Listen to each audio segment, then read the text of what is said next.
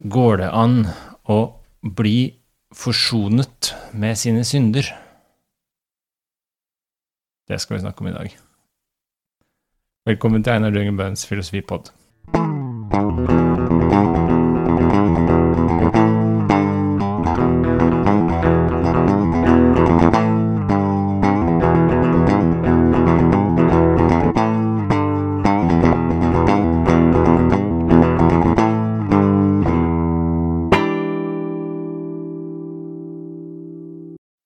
Dag har jeg med meg en som begynner å bli en liten gjenganger.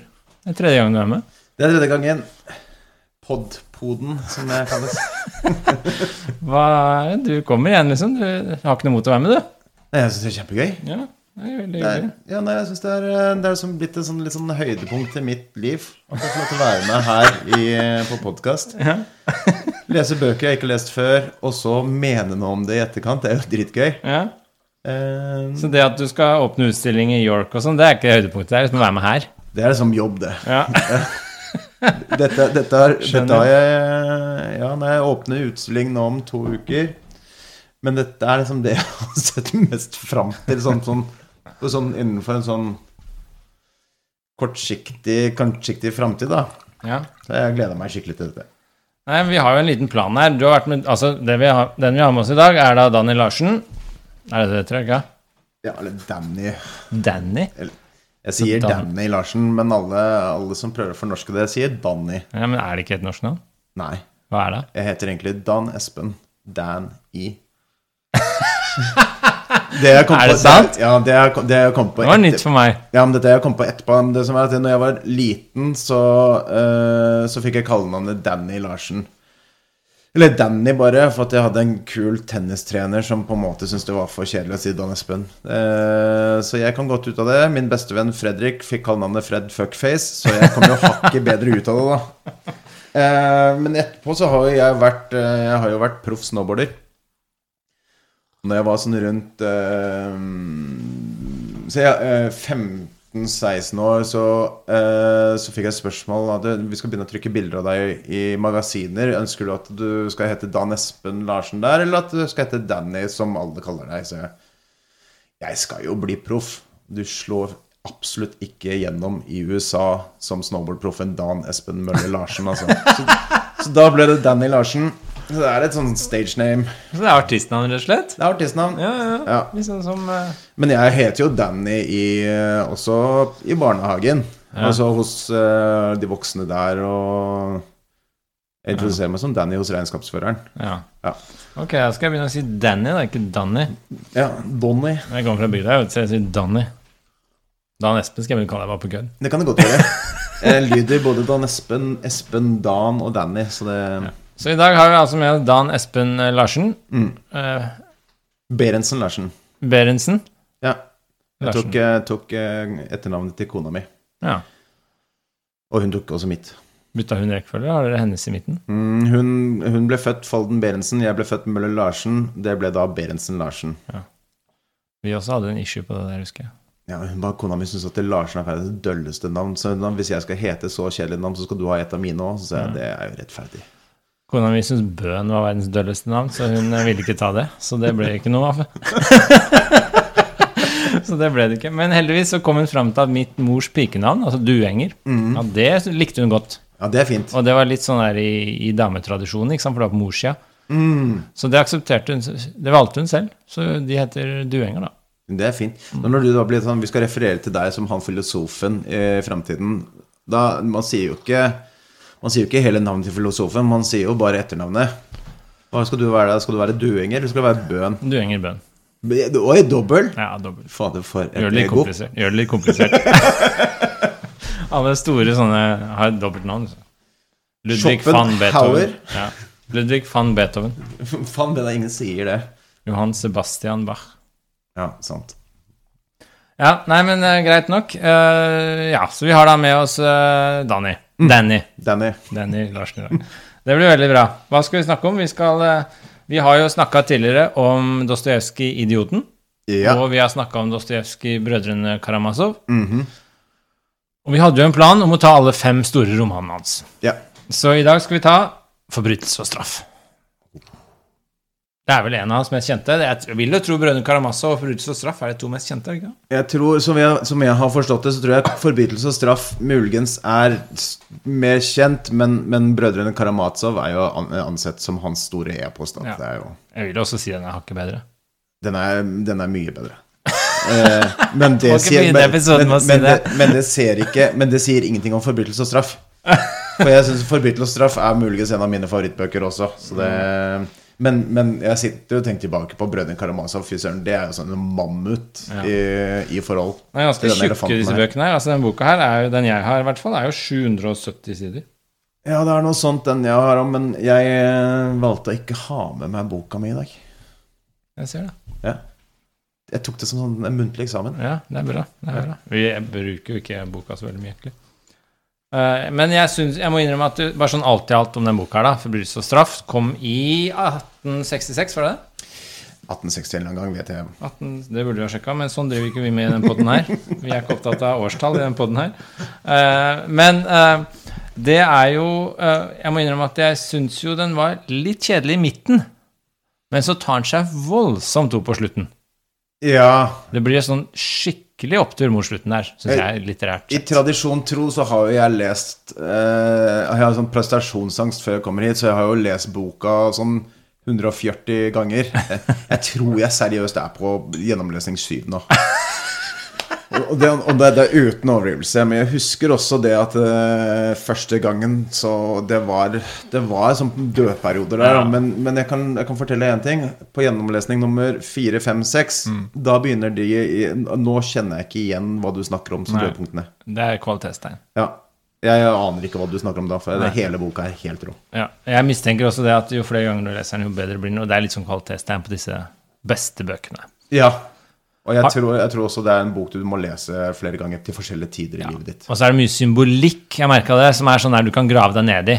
Sånn der, altså Hovedpersonen heter Raskolnikov, og det betyr jo delt eller splittet. Ja. Slik at det er mye sånn symbolikk i alle navn, i alle ting. Mye bibelreferanser. Jeg merka når jeg leste den at det er veldig mye jeg kunne, hvis jeg hadde hatt tid, fordypa meg i her. Ja. Eh, Så Ja, det, er, det er nok på. veldig mye vi kan ta tak i og sånn studere, liksom. Jeg tror det er en grunn til at det er verdenslitteratur, da.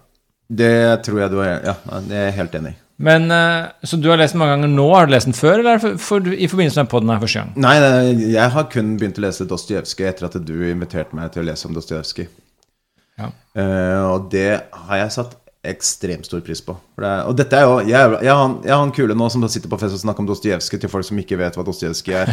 Så det, Og jeg hadde minnet meg om en scene i 'Forbrytelse og straff'. Ja. ja. Jeg har jo innsett at jeg kan være litt kjedelig på det. Du da. minner meg litt om Dunja. Om Om Dunja. Dunja. Ja. Men eh, er det Ja, for jeg, jeg fant ut at jeg har jo lest denne boka på videregående en gang. Ja. Jeg har en annen utgave Mhm. Som jeg har lest på videregående. Mm. Så da jeg leste den om igjen nå, så var det noen bjeller som ringte. Den hadde liksom ikke gått helt i glemmeboka, faktisk. Nei, den her tror jeg setter, tror jeg setter arr, altså. Hæ? Jeg tror Ja. den setter, jeg tror den Ja. setter arr, denne boka her. Mm. Så jeg leste den nå, og så hørte jeg slutten på lydbok en gang til i bilen. Mm. Etter at jeg leste den ferdig. For jeg syns slutten var veldig episk. Ja, det er, den er filmverdig. Mm. Og jeg satt jo når jeg leste boken her, eh, og tenkte bare Hvor i huleste har vi ikke en svær film bare basert på denne boken her? Jeg googla film i, i dag tidlig. Ja. Den er filmatisert 30 ganger. ja, men ingen av dem er sånn Det er ikke noe kjente. Nei, det er bare sånne sære greier. Ja, Ja. Det, jeg viste jo det Jeg, jeg satt jo, satt jo og pjatta med dette med en kamerat av meg fra Finland som var på besøk her om dagen. Og han syntes det Han bare like med deg, men det her ringer noen bjeller, det her, altså. Mm. Det viser seg at da hadde han akkurat sittet og eh, fargekorrigert en ny finsk-svensk spillefilm om forbrytelse og straff, Mm. som tar, eh, tar eh, tid eh, nå, da. Så jeg fikk sett teaseren, og altså, det er jo er jo så spot on. Han er jo prikk lik sånn han Eller det er sånn han skal se ut, da, hovedpersonen. Ja. Så den kommer nå snart? Den kommer eh, Jeg vil tippe på at den lanseres nå innen ja, et par måneder, tenker jeg. ja. Ja, så det, det foregår på finsk-svensk, og finsk-svensk er jo så fantastisk kult å høre på. De snakker det òg? Ja, ja, ja. Ja. Jeg skal ut og morda lite. Ja. ja, men det er bra. Nei, jeg bare så det var veldig mange filmatiseringer av boka. Men vi kan jo si bare litt sånn om plottet. Jeg tror kanskje det er en grunn til også at det kanskje ikke er så store Hollywood-produksjoner på den. For hvis du tenker over plottet, så er det jo ikke veldig mye Altså, det er jo fælt si det ikke er mye dramatikk, det er jo drap. Mm. Men det skjer jo ikke så mye, egentlig. Slik at det, det er mye snakk og mye tenkning og mye dialog. Uh, slik at det, hvis du skal filmatisere det, så blir det sånn Woody Allen-film. Det blir ikke sånn derre stor actionfilm. Skjønner du? Ja, riktig. Nei, det er, ja, det er, jo, det er jo bare konversasjoner. Det, alt skjer inni huet, da. Ja, men det er litt sånn som vi så i de forrige også. Det er jo mye prat og lite handling, egentlig. Ja, det er sant. I alle. Altså det er sånne der lange greier hvor du bare sitter og prater på en bar, og det er liksom Det skjer ikke så mye. Nei. Eh, og jeg tenkte over at det er en, kanskje en av de tingene som denne boken her trenger, er rett og slett bare sånn, en oversikt. Er sånn, bare så du er klar over det, dette, den delen her av boka, det er her sitter hovedpersonen og tenker. Den delen av boka her, trust me, vi er fortsatt på sporet her. Det er, vi er, det er samme historie, men nå sitter han og leser et brev fra mora si. Og så er det og så bare, Nei, ta det helt med ro. Vi har ikke glemt hvor vi er på vei. Eh, nå sitter han og bare hører på en fordrukken tullebukk i en pub. Jeg har jo eh, eh, Det er veldig mye navn også. Ja. Navneregister bak i min. Ja, det er det, ja. Jeg hadde det på Person- Wikipedia. Jeg, leste på, jeg hadde på Wikipedia oppe, bare så jeg kunne prøve å skjønne, huske hvem som var For de er jo ganske like, disse Ja, personene Ja, veldig mange like navn også. Mm. Og så er det et lite problem jeg har med Dostojevskij.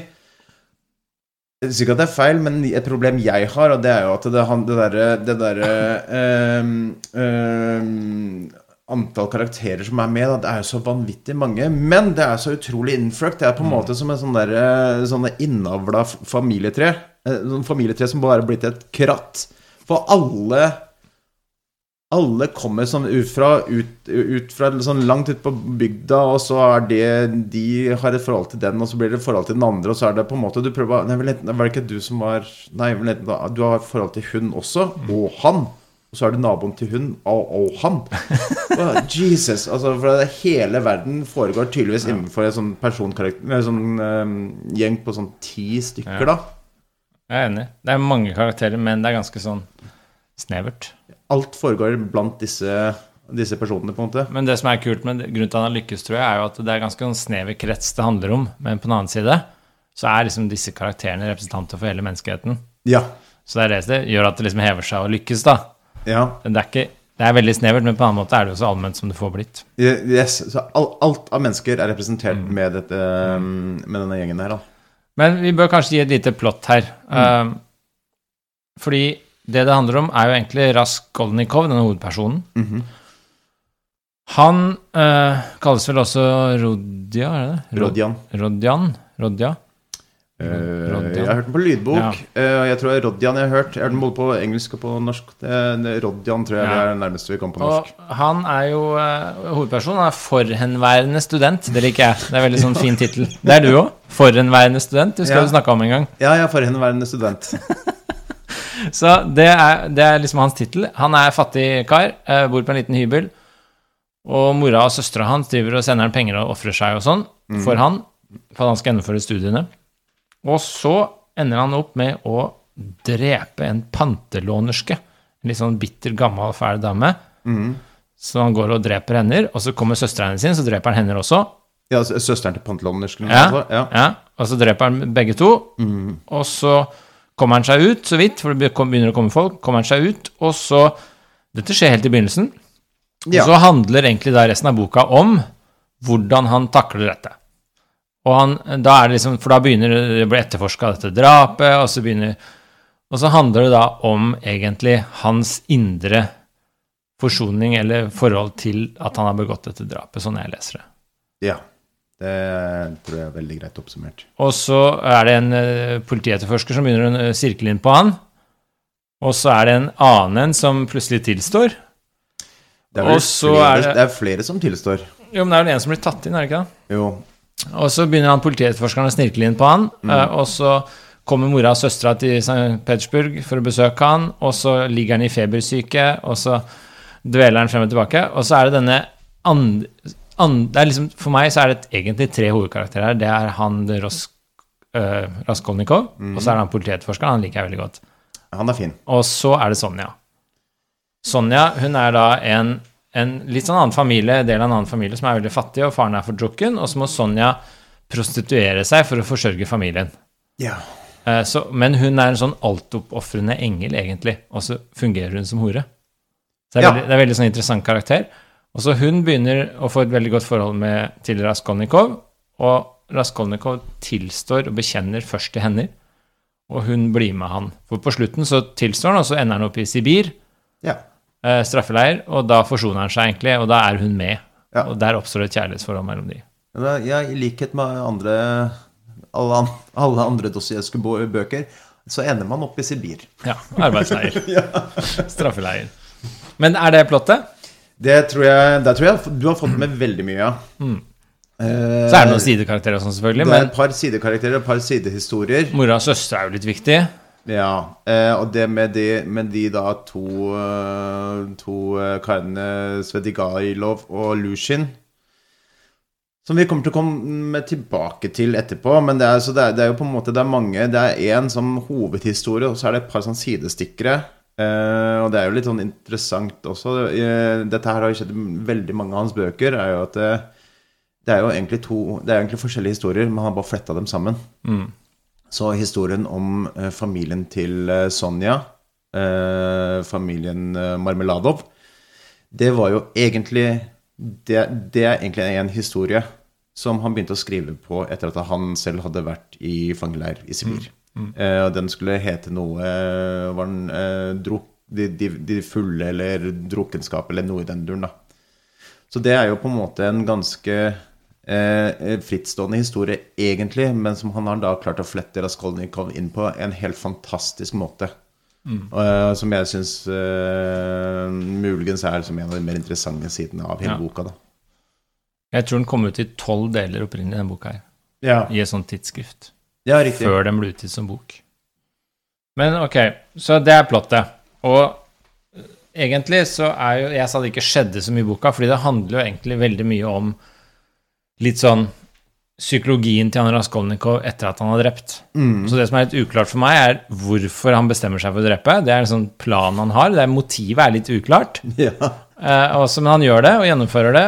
Og Vi kan komme tilbake til motivet, men han gjennomfører det. Og så handler resten av boka, da 700 sider omtrent, om hvordan, altså at han begynner å bli litt paranoid, for han begynner å mistenke at alle vet det. Og så går han litt frem og tilbake om han skal prøve å stikke av, eller om han skal innrømme alt. Og så ender det jo så episk vakkert med at han bekjenner alt. Og det er jo det som er liksom punchline i boka, sånn jeg ser det. Det er at eh, hva skjer idet han bekjenner? Idet han bare innrømmer, bekjenner og forsoner seg. Ja, det, er, det, er sånn Det er det som er så vakkert. Når jeg tenker tilbake på det Det, det, skinner sollys i hodet mitt når jeg tenker tilbake på denne scenen der hvor han Altså den mest, vi bare ta det med en gang, når vi er i gang. Den mest episke scenen. Når han bøyer seg til jorden og Ja. kysser bakken. Ja, blant, blant på, på, ut på en torgplass, og folk tror han er gal eller full eller et eller annet, men han Ja. Ja. Fordi det er jo veldig symbolsk scene, sånn jeg ser det, da. At han bøyer seg ned, kysser bakken og jorden. Ja. Og det er jo symbolikken i det, at han kysser jorden. Fordi jeg tror når han, drepe, når han dreper hun pantelånersken, så har han jo en teori. Det nevnes et par ganger. Han, han, har mange teorier, men han har en teori om at verden er bedre tjent med at han tar livet av denne fæle pantelånersken, som han mener egentlig ikke bidrar til noe godt. Hvis han tar livet av henne, og så raner han henne og tar penga og bruker det på gode formål, så mener han at verden er bedre tjent med det. Så han mener egentlig at han hever seg litt over lov og rett, og så gjør han dette her for det gode. ja. Og, det mener, og dette er en sånn klassisk i filosofien, da, så er dette sånn klassisk utilitaristisk tenkning. Altså du tenker konsekvensetikk. Det betyr at du egentlig tenker det som er rett å gjøre, er det som har de beste konsekvensene. Så han mener egentlig, ideen hans, en av de, er at det er rett av han egentlig, eller han har rett til å ta livet av henne og bruker pengene hennes på noe mye bedre enn det hun gjør. Ja, riktig. Og så Ja. lurer jeg, spørsmålet er da, hva er galt med det? Ja. Det har jo faktisk leda til noe bedre. ja. Så han har egentlig ofra seg selv for en større sak. Mhm. Det er én måte å forstå hvorfor han dreper. Ja, det, det, det, er hele, det er jo hele hans begrunnelse. Det altså, eller, eller hvordan han rettferdiggjør det på en måte overfor seg selv. Ja, og, Men han har jo også denne teorien med at, som er veldig sånn Nietzsche var jo veldig inspirert av Dostojevskij. Ja. Og Dostojevskij har jo denne ideen om at eh, i Brødrene Karamazov så sier han jo Gud er død. Det er det Nietzsche var opptatt av. Ja. Nei, han sier ikke Jo, han gjør vel det?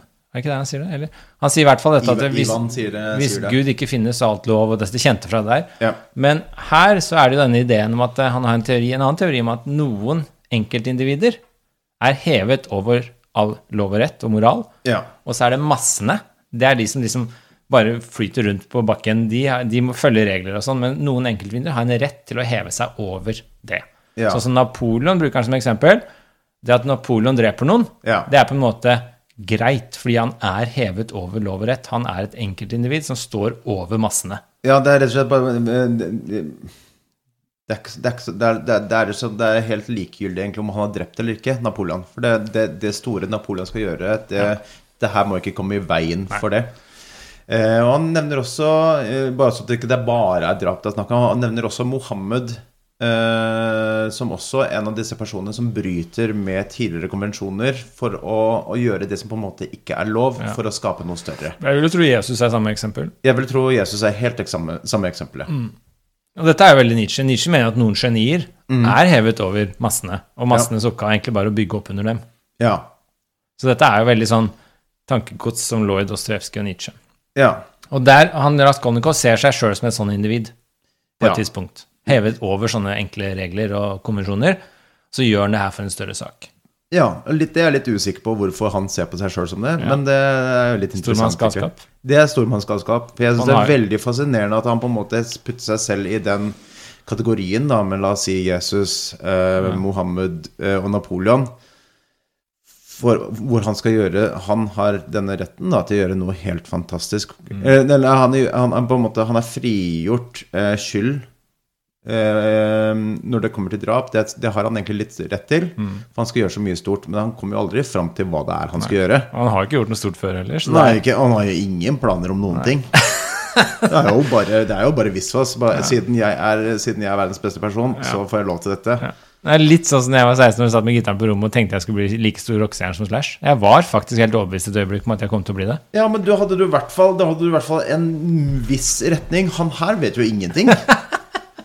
Han, han, han det er jo ikke, det er jo ikke én ting han på en måte skiller seg ut med å være god eller noen ting. I hvert fall ikke ut fra historien, da. Nei, Men han har jo denne ene artikkelen han har publisert, da.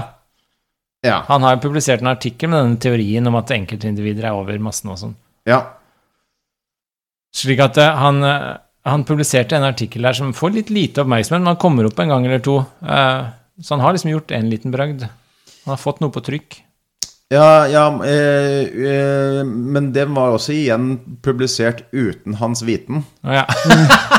Stemmer. Han blir jo, han blir, han blir jo konfrontert med denne artikkelen, og han bare Hæ, har den blitt publisert? Stemmer det. Ja, ja, ja.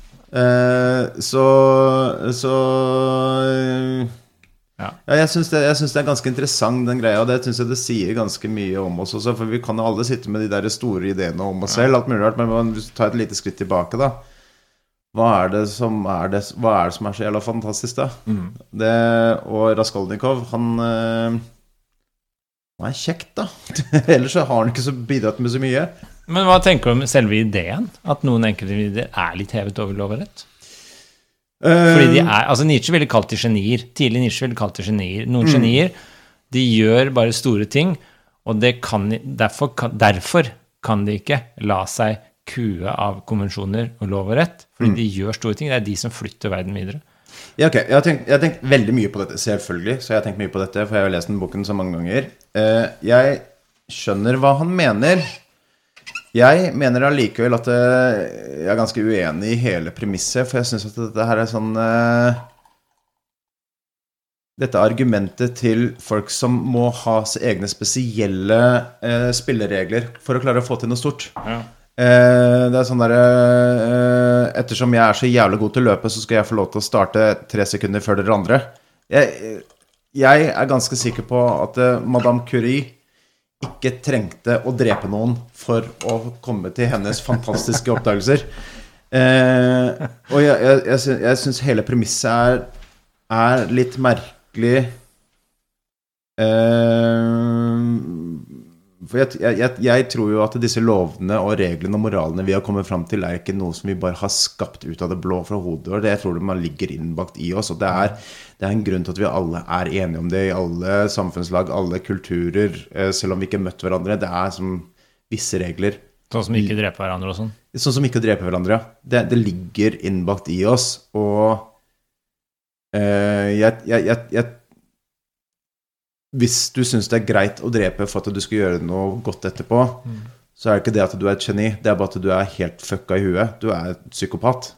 Men det er jo sånn som staten har jo en eller annen makt til å utøve Altså staten har myndighet til å utøve makt, ikke sant? Så staten kan i prinsippet drepe noen. Ja.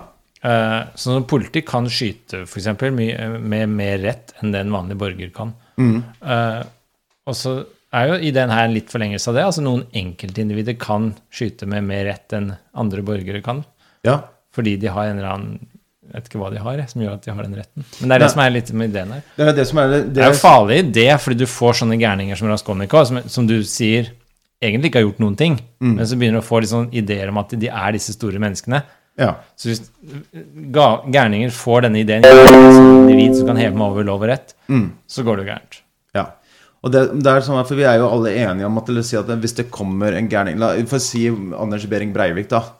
Vi er alle enige om at det er greit at politiet skyter ned han før han klarer å fortsette å, å, å plaffe ned flere barn. Det er vi alle enige om. Ehm, men jeg syns allikevel at det, det Det faller heller inn i tanken om at det, vi, vi må stoppe noe grusomt som, som skal skje, og da må vi dessverre gjøre disse meget uheldige, men, men nødvendige tingene, da, som å drepe, drepe han. Så selvforsvar er noe annet, da. Selvforsvar Det er et slags selvforsvar, ikke sant? Ja, og da selvforsvar for hele menneskeheten, da. Eh, så jeg, jeg, jeg ser på det, og at du på en måte skal si at eh, for at jeg skal få til noe stort, så må, eh, må jeg ha egne spesielle kjøreregler som eh, gjelder bare for meg. Eh, for at, trust me, jeg, jeg er helt fantastisk. Jeg syns, jeg syns, det, jeg syns det er argumentet til en feiging. Jeg syns det er Nei, altså- argumentet til en som ikke klarer, klarer å få til noe stort uten å, å bruke støttehjul. Ja. jeg, er, jeg liker ideen. Altså, det er veldig viktig å skille mellom selvforsvar og det, mot, og det andre her. Altså, å, å heve seg over lov og rett Vanlige konvensjoner i selvforsvar er jo noe helt prinsipielt helt annet enn å heve seg over det for å gjøre noe stort. Ja, Men du kan jo pushe, så du si ok, så du ser for deg Raskolnikov som tar livet av den pantelånersken. Og han gjør det for en større sak, nemlig han skal bruke penga på folk som trenger det mye mer enn hender, og som gjør verden bedre. Nemlig søstera hans, mora hans, sånne som er veldig snille. Ja. De, Det fremstår som veldig gode mennesker i boka. ja. Så, og hun, frem, hun pantelånersken fremstår ganske ond. Ja, hun er- slik hun er at, eh, dritt. Han tar jo Du kan si det, det er et slags selvforsvar for menneskeheten, hvis han tenkte sånn. Hvis han tenkte sånn Nei, dette er et slags selvforsvar, for hun gjør verden verre. Mm. Så jeg må bare sørge for at hun ikke fortsetter med det, og så sørge for at de gode får fortsette. Akkurat som liksom Behring Breivik gjør verden verre nå, nå må vi bare fjerne han, sånn at vi får redda de andre. Ja. Hvis han tenker lignende. ja. ja og da, da er det min Pusher jeg det langt her? Jeg merka det. Jeg pusher langt her. nå. Både det langt. For, for jeg, jeg, vil jo, jeg vil jo si det at eh, Anders Behring Breivik er jo faktisk en Raskolnikov. Ja. For han mener at det, dette skal jeg gjøre, for at trust me, verden blir så mye bedre. Ja, han gjør det for en større sak. Og det, det syns jeg det det er forresten det er, noe, det er en sidesak, men det er liksom Det skal vi huske på også. Det er derfor denne boken her er så veldig viktig. Men det er jo sånn alle gærninger tenker. Ja. Det, jeg har så rett. Mm. Eh, det, var jo, det var jo sånn Hitler tenkte òg. Han bare Nå skal jeg gjøre verden kjempemye bedre her. Mm, De Det er bare tenker at at du er helt ja, fucka i huet. de tenker at de ofrer seg for en større sak. Ja, det er jo det de tror. Det er jo ingen som jobber for at ting skal være dårligere. Alle jobber for at det skal bli bedre. Det er bare at du har et helt forkvakla syn på hva som er rett. Ja. Så Raskolnikov kan ses på som et sånn tilfelle også. Jeg syns Så det. det som er interessant, er jo da hvis disse Jeg skal ikke snakke veldig mye om Anders Behring Breivik her, men hvis disse hvis han, eh, Spørsmålet er da om han Det er jo egentlig et ganske interessant spørsmål. Fordi han har jo tilsynelatende ikke kommet til den erkjennelsen som Raskolnikov gjør, Nei. og bøyd seg ned og kyssa jorda. Nei. Og det Og bedt der, om forlatelse og tilgivelse og, og forsoning. ja. Det har han ikke gjort. Jeg kan lite Jeg har valgt, Jeg jeg, valgt, jeg valgt å leve et Ja. liv hvor jeg slipper å tenke så mye på Anders Behring Ja. Breivik. Men altså, det er jo eh, interessant med sånne Fordi han, den forsoningsøyeblikket er veldig viktig i boka. Så Ja. Hvis vi kommer tilbake til det Jeg vet ikke om det er en forsoning. Hva er det egentlig? Altså, han bøyer seg ned, kysser bakken. Og det jeg likte med det, da, Mm. det var jo at han som vi begynte med, han har en teori som han prøver å følge til å begynne med. Han har Ja. en berettigelse, en begrunnelse, en teori som han skal følge når han tar livet av hender. Og han, Han skal bruke det på noe større og bedre. han beskriver det som et eksperiment også. Ja, eksperiment. Og han er en student, så han, student, så han studerer et eller annet her. Så han har en eller annen teori og skal utforske noe. Og så går det ikke sånn som han planlegger. Det går ikke sånn som han hadde tenkt. Han bruker ikke penga engang. Han legger de bort, det han raner. Ja. Og så åpner han aldri opp igjen. De, det han legger under en stein og finner alle tilbake. Det, det blir ikke så viktig, det er penga.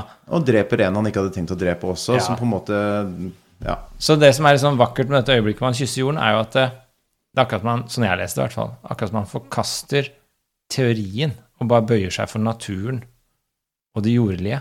Det er jeg helt enig i. Og det nære og kjære, liksom. Det er det som er så vakkert. Altså han bare Ok, alle disse teoriene og ideologiene jeg hadde, de, de er egentlig helt irrelevante.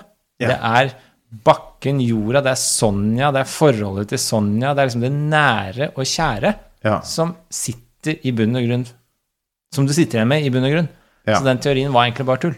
Nei, jeg, sånn, som, sånn som jeg ser på menneskeheten, er jo egentlig Jeg ser jo på, på, på en måte jeg, jeg ser på det mer og mer som én stor organisme, da. Eh, hvor vi alle bare, egentlig bare er en liten celle i dette. Og akkurat nå, når han holder på dette, er han en liten kreftcelle som, som står her og skriker Hei, alle sammen. Jeg er, jeg er den viktigste, viktigste cellen i dette, denne organismen. Men det forsoningsøyeblikket føler jeg er litt der hvor han innser da at eh, vet du, vi, vi, jeg er en kreft- kreftcelle, men det er på en måte det er, jeg er en stor del av det hele. Eh, og det er jorda rundt meg, det er alle menneskene rundt meg. Alt henger sammen. Og ja, Det er derfor jeg tror også jeg ser i mitt, mitt hode, når jeg tenker tilbake på den scenen Og jeg har, jeg har så vanvittig vanvittig klart bilde av hvordan dette ser ut. Det er, det er en solskinn eh, Det er liksom sola, sola som bryter gjennom regn, da. Um, og det er, det er en sånn uh, Kall det en oppvåkning.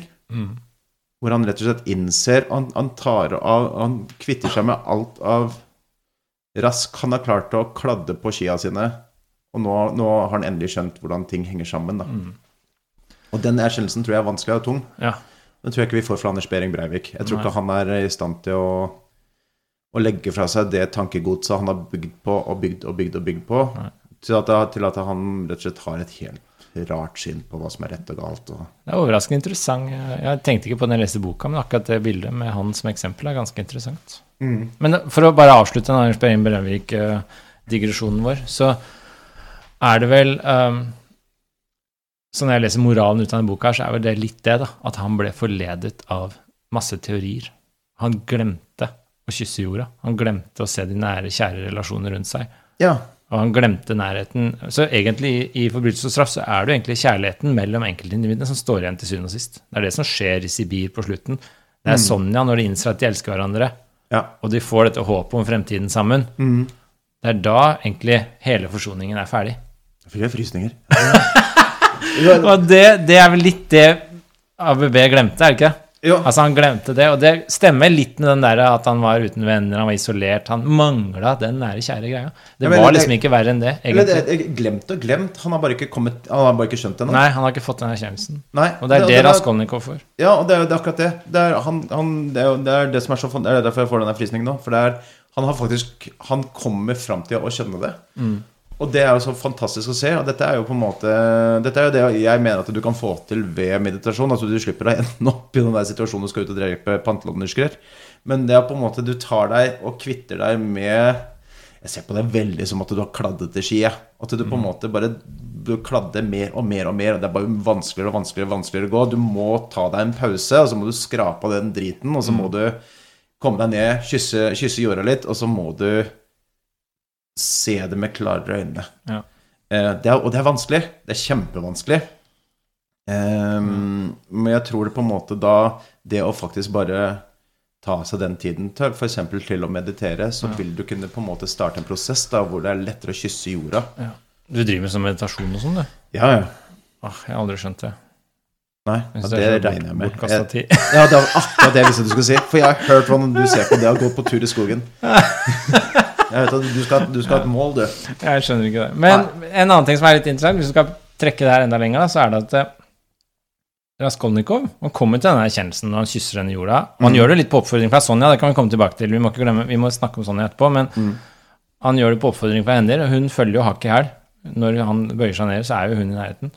Hun følger etter han til Sibir, og det må vi komme tilbake til, så vi ikke glemmer det. Mm. Men spørsmålet er Dette er litt sånn tricky, fordi den boka gir jo ingen enkle svar. Eh, og Raskolnikov er jo den delte. Altså Han er både denne teoretikeren, smarte, intelligente, som har, følger en idé, Mm. og så er han denne jordnære, empatiske, følsomme personen som ser liksom de nære rundt seg og hjelper de fattige. Han betaler for begravelsen til han fylliken som dør. Han bruker penga sine på andre. Så han er litt denne altruisten på den ene siden, Ja. og så er han denne teoretikeren på den andre. Ja. Uh, og spørsmålet er Hadde Raskolnikov kunne komme til denne dype erkjennelsen av hva det vil si å være et menneske, nemlig dette å kysse jorden, følge naturen og nærheten og kjærligheten, egentlig? Hadde han gjort det hvis han ikke drepte? Det er jo vanskelig å si, da. Eh, I hans tilfelle, nei. Det hadde han ikke. Nei, så da, Eh, eller historie ifølge Eller hvis vi skal, vi skal holde oss til historien, nei. Det hadde han ikke. Så da Så hvis det er liksom litt sånn moral i boka også, så er det eller en sånn idé fra boka, så er det jo også at det, da er det jo litt vanskelig, da, for da må noen kanskje ofre seg på denne måten som Raskolnikov gjør, og heve seg over moral og lov og rett for at vi sk mennesker skal oppnå de store erkjennelsene. For at vi skal få disse bildene, symbolene, erkjennelsene. Han oppnår en mye dypere erkjennelse enn det antageligvis jeg gjør, ikke sant?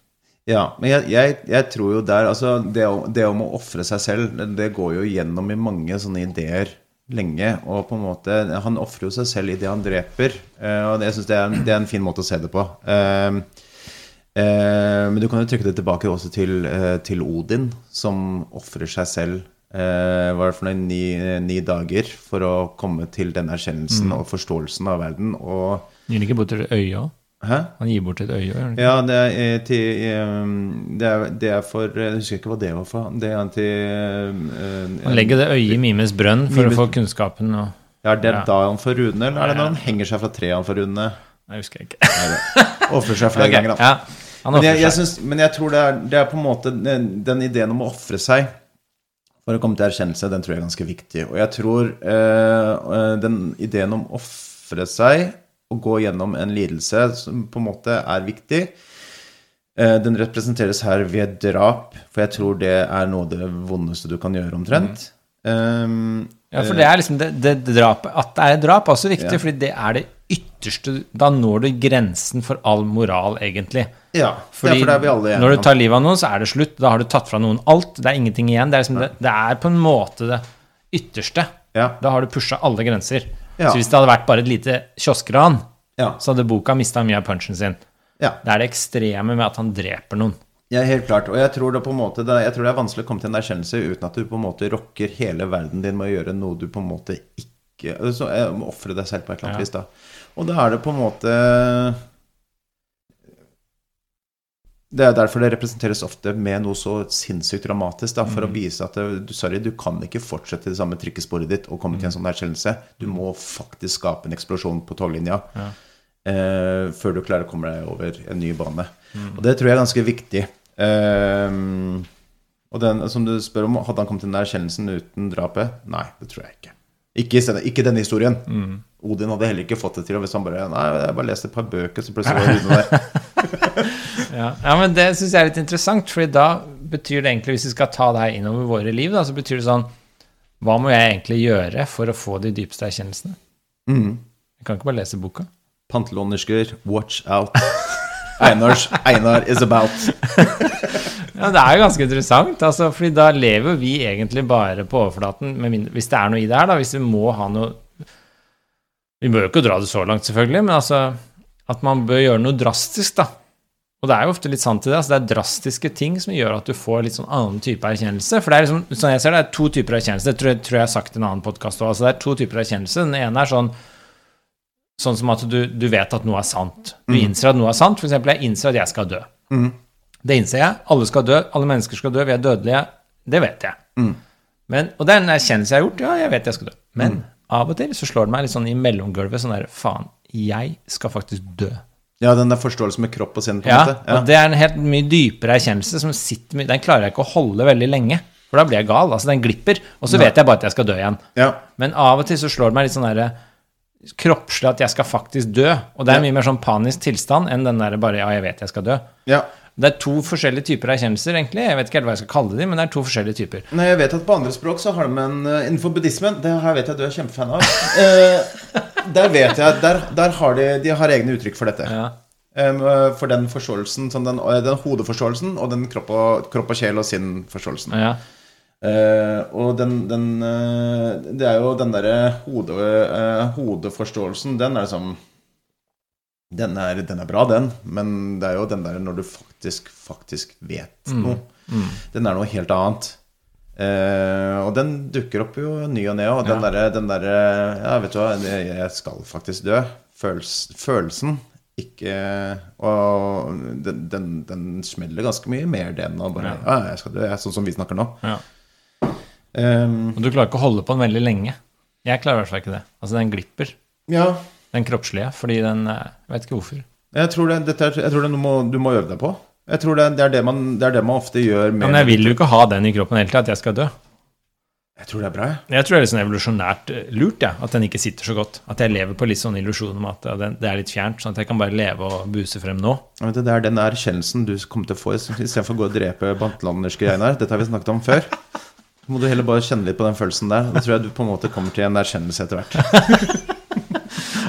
Nei, det er interessant, syns jeg, da, hva, hva slags drastiske forandringer som må til for å oppnå de store erkjennelsene. Ja. Nei, eh, jeg synes det, det kan komme med alt, der, og jeg tror dessverre Der tror jeg Jeg mener at mye av erkjennelsen må du komme fra ditt eget hode ved at du rett og slett Det det er lite du, du kan lese bøker så mye du vil. Før du gjør på en måte reisen i ditt eget hode, så er det lite du kommer til å oppdage, på en måte. Um, uh, men jeg tror så, Men allikevel så tror jeg de øyeblikkene som rokker deg inn til å ha en større erkjennelse av noe og forstå noe bedre, de kommer stort sett utenfra. Og derfor er det jeg også da mener at en, eh, vi er på en måte en stor organisme. Vi klarer ikke å få til det helt på egen hånd. Vi, må, eh, vi er faktisk avhengig av de rundt oss. Uansett hvordan det er. Og da mener, når jeg mener de rundt oss, så mener jeg, jeg mener altså trær, fugler, vann, luft, murstein. Liksom alt. Murstein òg. Murstein også. Ja. Gråstein? Gråstein og granitt. Murstein er kultur, men gråstein er jo natur. Eh, ja, altså eh, ja, men alt. Alt henger sammen. Eh, og og og det, så jeg mener at det, dette, dette kommer på en måte du er, Vi er bare en, en del av noe større. Eh, og de erkjennelsene er faktisk ikke alle i stand til å komme til. Men du kan i hvert fall gjøre deg jævlig mye mer mottagelig da, Ja. For, for å ta disse imot. Men for å liksom komme til sånn type innsikt, da, så må du kysse jorda. Ja, Ja. Ja, 100 Og det, det gjør jeg ved min form for meditasjon, som ofte er det å tusle rundt i skogen, male Og faktisk, faktisk meditasjon òg, men det er sånn derre Bare være klar over hva som skjer, på en måte, og hvordan hodet mitt og kladder til skia mine. Så um, jeg, jeg sitter ikke her og sier at jeg har kommet til så jævla mange erkjennelser ennå, men jeg tror jeg begynner å gjøre meg kanskje klar for å ta imot noen erkjennelser, da. Men det er jo litt det altså, jeg tror det, er, altså, det er jo interessant hva slags erkjennelse vi snakker om her. Fordi det du snakker om nå, og det som Raskolnikov erkjenner, det er jo ikke noe Altså Det er ikke noen bestemte påstander, det er ikke noen sånne bestemte sannheter som du prøver Å ja, det er sant. Nei. Det er mer sånn derre Man åpner seg opp og er mottakelig for verden på en annen måte. Det er den type erkjennelse han kommer til, i hvert fall. Raskolnikov. Å se verden for det den faktisk er. Ja, og jeg tror du sa i en tidligere episode at du hadde lært deg å se skjønnheten i trærne og skogen rundt deg, og du har lært deg å se verden på en annen måte. Helt riktig. Og det er vel litt det Raskolnikov lærer seg når han kysser jorda. Ja. Altså han lærer seg å gå litt vekk fra alle teoriene og det teoretiske, og så går han inn i det material, mat, materien rundt seg og liksom ser, erkjenner Sonja, erkjenner søstera si, erkjenner jorden og liksom den naturlige gangen rundt seg og det nære og kjære. Og det er jo ikke noe påstand han innser er sann. Det er ikke sånn 'Å ja, jorda er rund'. Det er ikke sånn. Det Nei. er mer sånn Hele sånn Som Heidegger ville sagt, da. Væren i verden forandrer seg. Måten du er på. Helt riktig. Jeg er helt, helt enig. Og det, og det, det, det kan ikke det, det går ikke an å forklare på en bedre måte. Altså, på, det, når jeg har lært meg å se verden for så vakker jeg kan se den, på en måte, og se det vakre i alt Dette er, Trust me, dette kom ikke naturlig. Ehm, så det, det, det, jeg kan ikke beskrive på noen annen måte. Nei, men sorry, bare, nå ser jeg verden. Ja. Jeg så ikke verden før. Man åpner seg opp, kanskje, på en måte. Ja, eh, det tror jeg. Det er, det er, Det er litt sånn som Hvis du gir meg et argument, så kan jeg velge å tolke det i verste mening, og så kan Ja. jeg velge å tolke det i beste mening. Ja, Og så hvis jeg henger meg opp i liksom alt det dumme og verste tolkningen av alt du sier, så kan vi fortsette å krangle i evigheter. ja. Men hvis jeg velger å tolke deg i beste mening, og liksom si ja, det var, der er du inne på noe, kanskje du mener det her, og så jobber vi oss innover i en bedre mening, da er det en helt annen måte å forholde deg til verden på. ja. Og der, er der er Og den folk- siste er jo hyggeligere. Ja, og det er akkurat det. ja, Men da, da må man også ta på en måte Da er jo den lille greia det at du må faktisk ta tanken og putte den inn i ditt eget hode og Ja. virkelig jobbe med den og på en måte bryte med det du allerede har tenkt da, og trodd. Mm. Eh, og det er jo da en form for ofrelse på lik linje med Odin Ja. eh, holder på. Eh, rett og slett, Og jeg tror på en måte den beste måten er jo det å ofre sitt ego. Det er jo det, det, er jo det Nei, nå går det for langt. Nei. For det, Nå, den, stopp, nå gir vi oss. Nå slår jeg av. Jeg ofrer ikke egoet mitt. Ok, ja. Ja, ja, men den, for jeg tror det, Der er det vanskeligste da, å komme til, noe, komme til noen form for erkjennelse. For det vet du, Jeg har jo så fuckings rett. Jeg skal, trenger ikke høre på andre folk. Jeg. ja. Nei, men jeg syns det er veldig interessant. Vi har, jeg syns vi har en fin tolkning av Raskolnikov her nå. Ja. Og det er dette han driver med. Han drar det jo langt, da, så vi bør ikke gå rundt og drepe for å få til det her, men vi kan liksom åpne oss opp, kysse jorden på en annen måte, da. Litt mildere måte. ja. Men jeg syns det er interessant hva som må til. Altså, jeg tror alle bør stille seg det spørsmålet Hva må til i mitt liv for at jeg skal komme til de dypere erkjennelsene? ja. Og da er det ganske vanskelig å høre til Vet du hva, alle sammen, alle dere som hører på, dere tar feil. Ja. Vi tar alle feil allerede, så det Nei, men jeg, jeg, også, jeg, jeg tror jeg snakka om det her i en annen episode, at jeg har lyst til å kysse jorden på en måte. Jeg har lyst til å finne en eller annen forsoning hvor jeg kysser jorden og ser verden sånn jeg burde se den, og mottar den sånn jeg burde motta den. ikke sant? Altså, hva er den forandringen? Altså, det, I boka så er det sted hvor hun Er det Sonja, eller er det søstera? Søstera tror jeg det er som leser fra Bibelen for Raskolnikov. Og hun leser fortellingen om Lasarus. Lasarus, Lasarus. Jeg sier det alltid. Ja, Lazarus. Jeg, tror, jeg, tror det, jeg tror det var sånn, ja, for jeg lurer på om det er, det er uh, hun leser faktisk fra bok, Bibelen til, uh, til uh, Lisaveta, søsteren til Ja, stemmer det. Dansken. Så det, jeg tror det er Sonja som Ja, leser fra for da leser jeg fortellingen om Las, Lasarus. Ja, Lasarus. Ja, ja, er så- Du har jo lest Bibelen, du. Ja, ja, men jeg uttaler alle navn feil. Jeg får alltid kjeft for det etter episoder. Jeg sier alltid feil uttale. Jeg tror det er bygdedialekta mi som gjør det. Kommer ut Mm, gærent. mm, Jesus. Jesus. Jesus. Je- Jesus. Jesus. Ja, Jesus. Og Maria. Men Maria Marian Josef. Men i i hvert fall den fortellingen om Lasarus er jo at dette er jo en, en rik mann som dør, og så er det en fattig mann som dør. Lasarus er den fattige. Og så, Dette er i Lukasevangeliet. Og så tar, uh, kommer de til dødsriket etterpå, og da ser han den rike mannen at Lasarus sitter borte ved Abraham på den fine sida. Oh, ja. Og så sier han ja, men kan du ikke sende han over hit? Og så sier Abraham nei, nei. Han hadde ingenting på jorden, han får alt nå. Og du hadde alt på jorden, du får ingenting nå. Ja, riktig. Så det handler, Og så er det en sånn kløft imellom, så de ikke kan gå over og krysse til hverandres steder i dødsriket. Slik at det er jo en fortelling om en slags for, ø, forvandling, da. Altså det går fra det ene til det andre. Ja. Uh, og det leser hun her. Og det er jo ikke tilfeldig, tror jeg, at han har valgt den biten fra Bibelen. Nei, han Lasarus-historien uh, Da bare går jeg ut fra at han heter Lasarus. Ja. Uh, Nick Cave sang òg. 'Dig Yourself Lazarus'. Det er masse Batman og Lazarus Pit. Altså, Ja, riktig. Ja. Fall, de oppstår, eh, står opp igjen fra de døde. men den historien går igjen flere ganger. Det nevnes flere ganger i historien. Altså, Mm. Og det er eh, Jeg husker ikke hvem som spør Raskolnikov om dette, men, men tror du på historien om Lasarus? Ja. Mm. Tror du på Gud? Tror du på historien om Lasarus? Det går igjen. Og jeg skulle gjerne likt å vite hva den historien går ut på, men det gadd jeg ikke. Nei, det fortalte jeg nå. Ja. Det er veldig kort. Men dødsriket, dødsriket i Bibelen, det er, det er ikke helvete, liksom?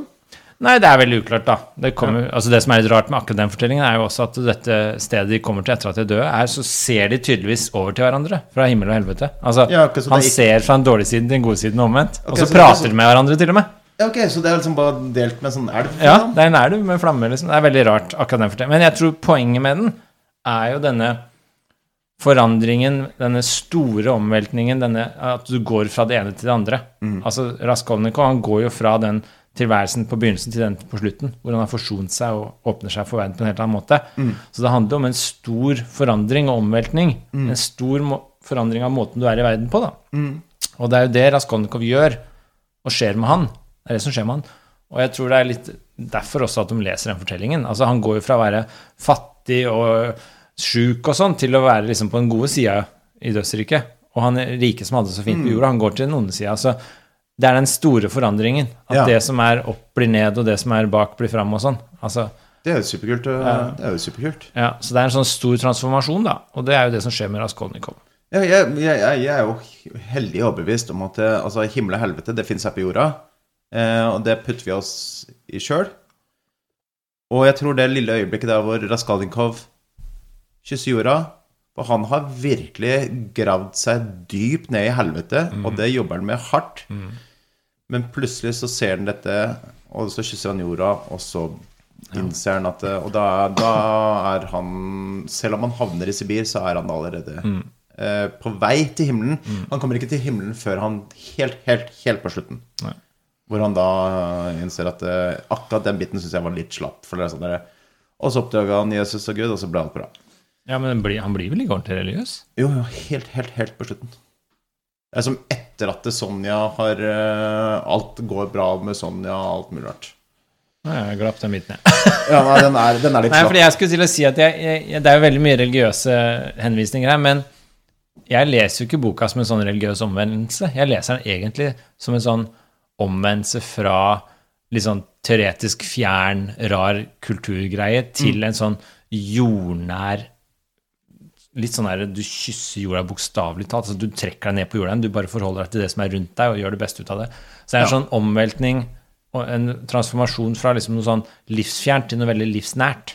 Ja, jeg synes det er helt enig. Jeg synes jeg, om, du, om du Så, så jeg tolka det ikke som en sånn plutselig ble en religiøs, for det syns jeg blir liksom fjernt igjen. Ja, det er akkurat, det er akkurat derfor jeg syns det er så slapt. Eh, for for jeg, jeg leser også boka på den måten at eh, det, dette her ligner mye mer på en måte vår forhold, som jeg forstår tidligere kultur, Før førkristne religioner her oppe i nord. Ja. eh, hvor vi hadde et mye tettere forhold til på en måte hvor vi innså at vi var en del av alt i, i jorda.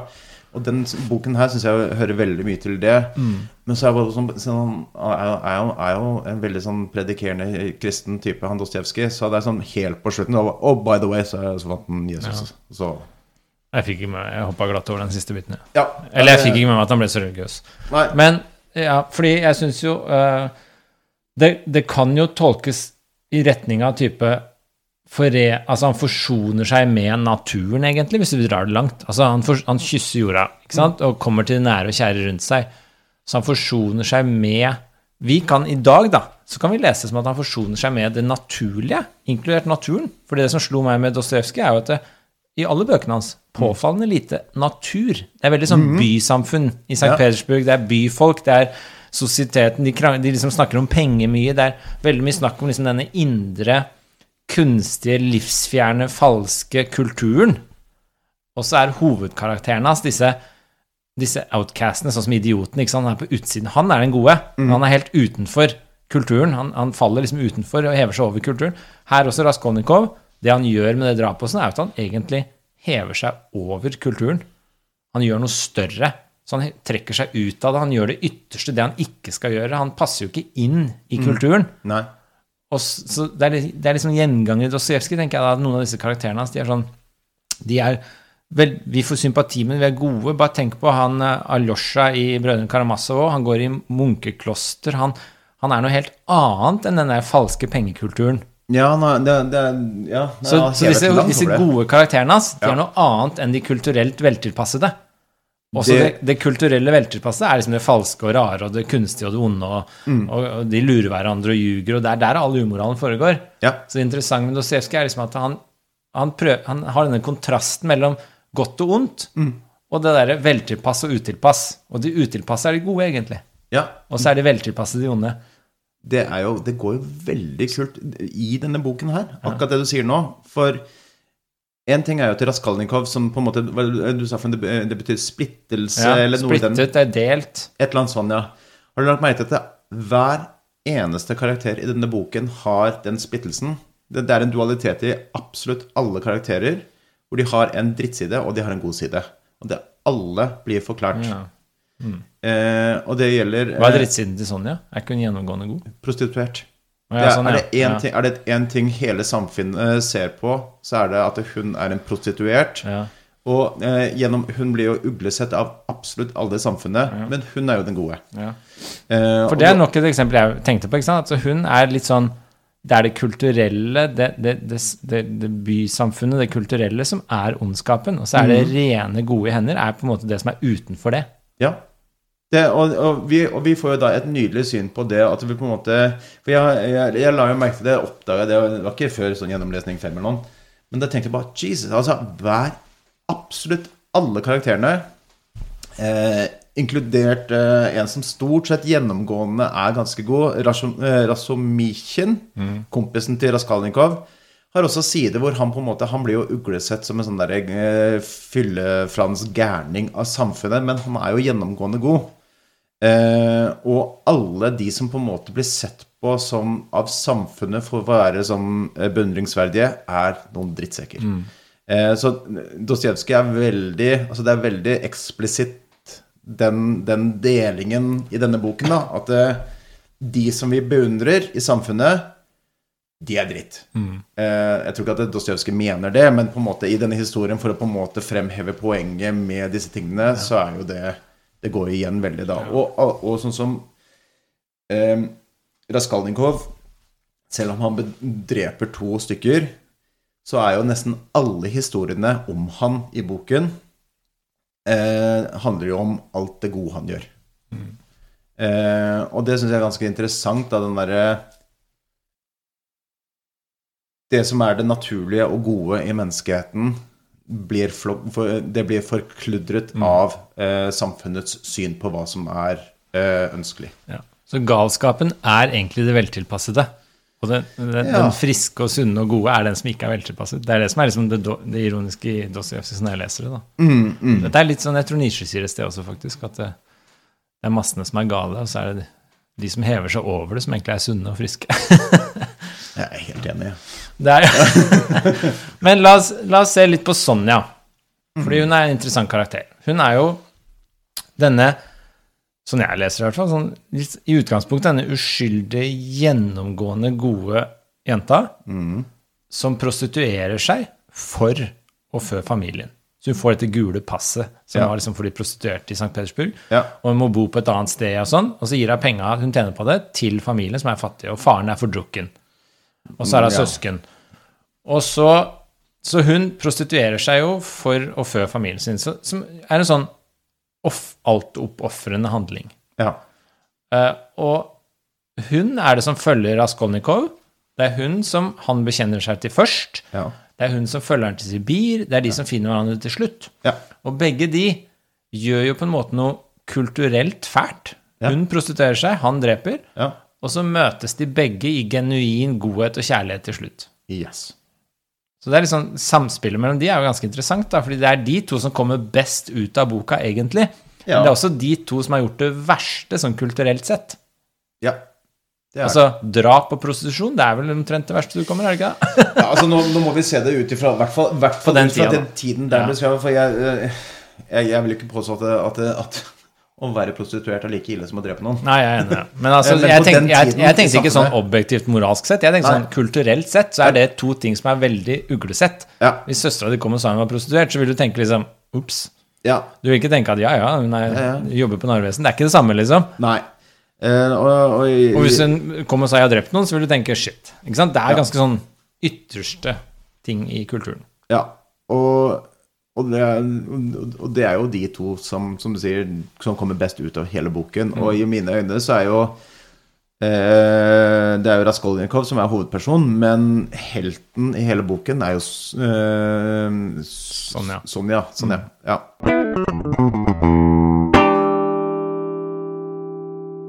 Nei, jeg er enig, og, og så syns jeg det også er interessant at eh, det er, hvis du la merke til det, det er kvinnen i boka som på en måte er det jordnære, det, det, det, det han ender opp med å forsone seg med. Det er de som redder situasjonen, ja. Ja, Det er de som redder verden her, fordi de er det jordnære. De ofrer seg. De har skjønt samspillet mellom menneskene. De er på en måte Søstera, mora og Sonja Ja. er jo de tre kvinnene som egentlig gjør alt for at ting skal gå bra.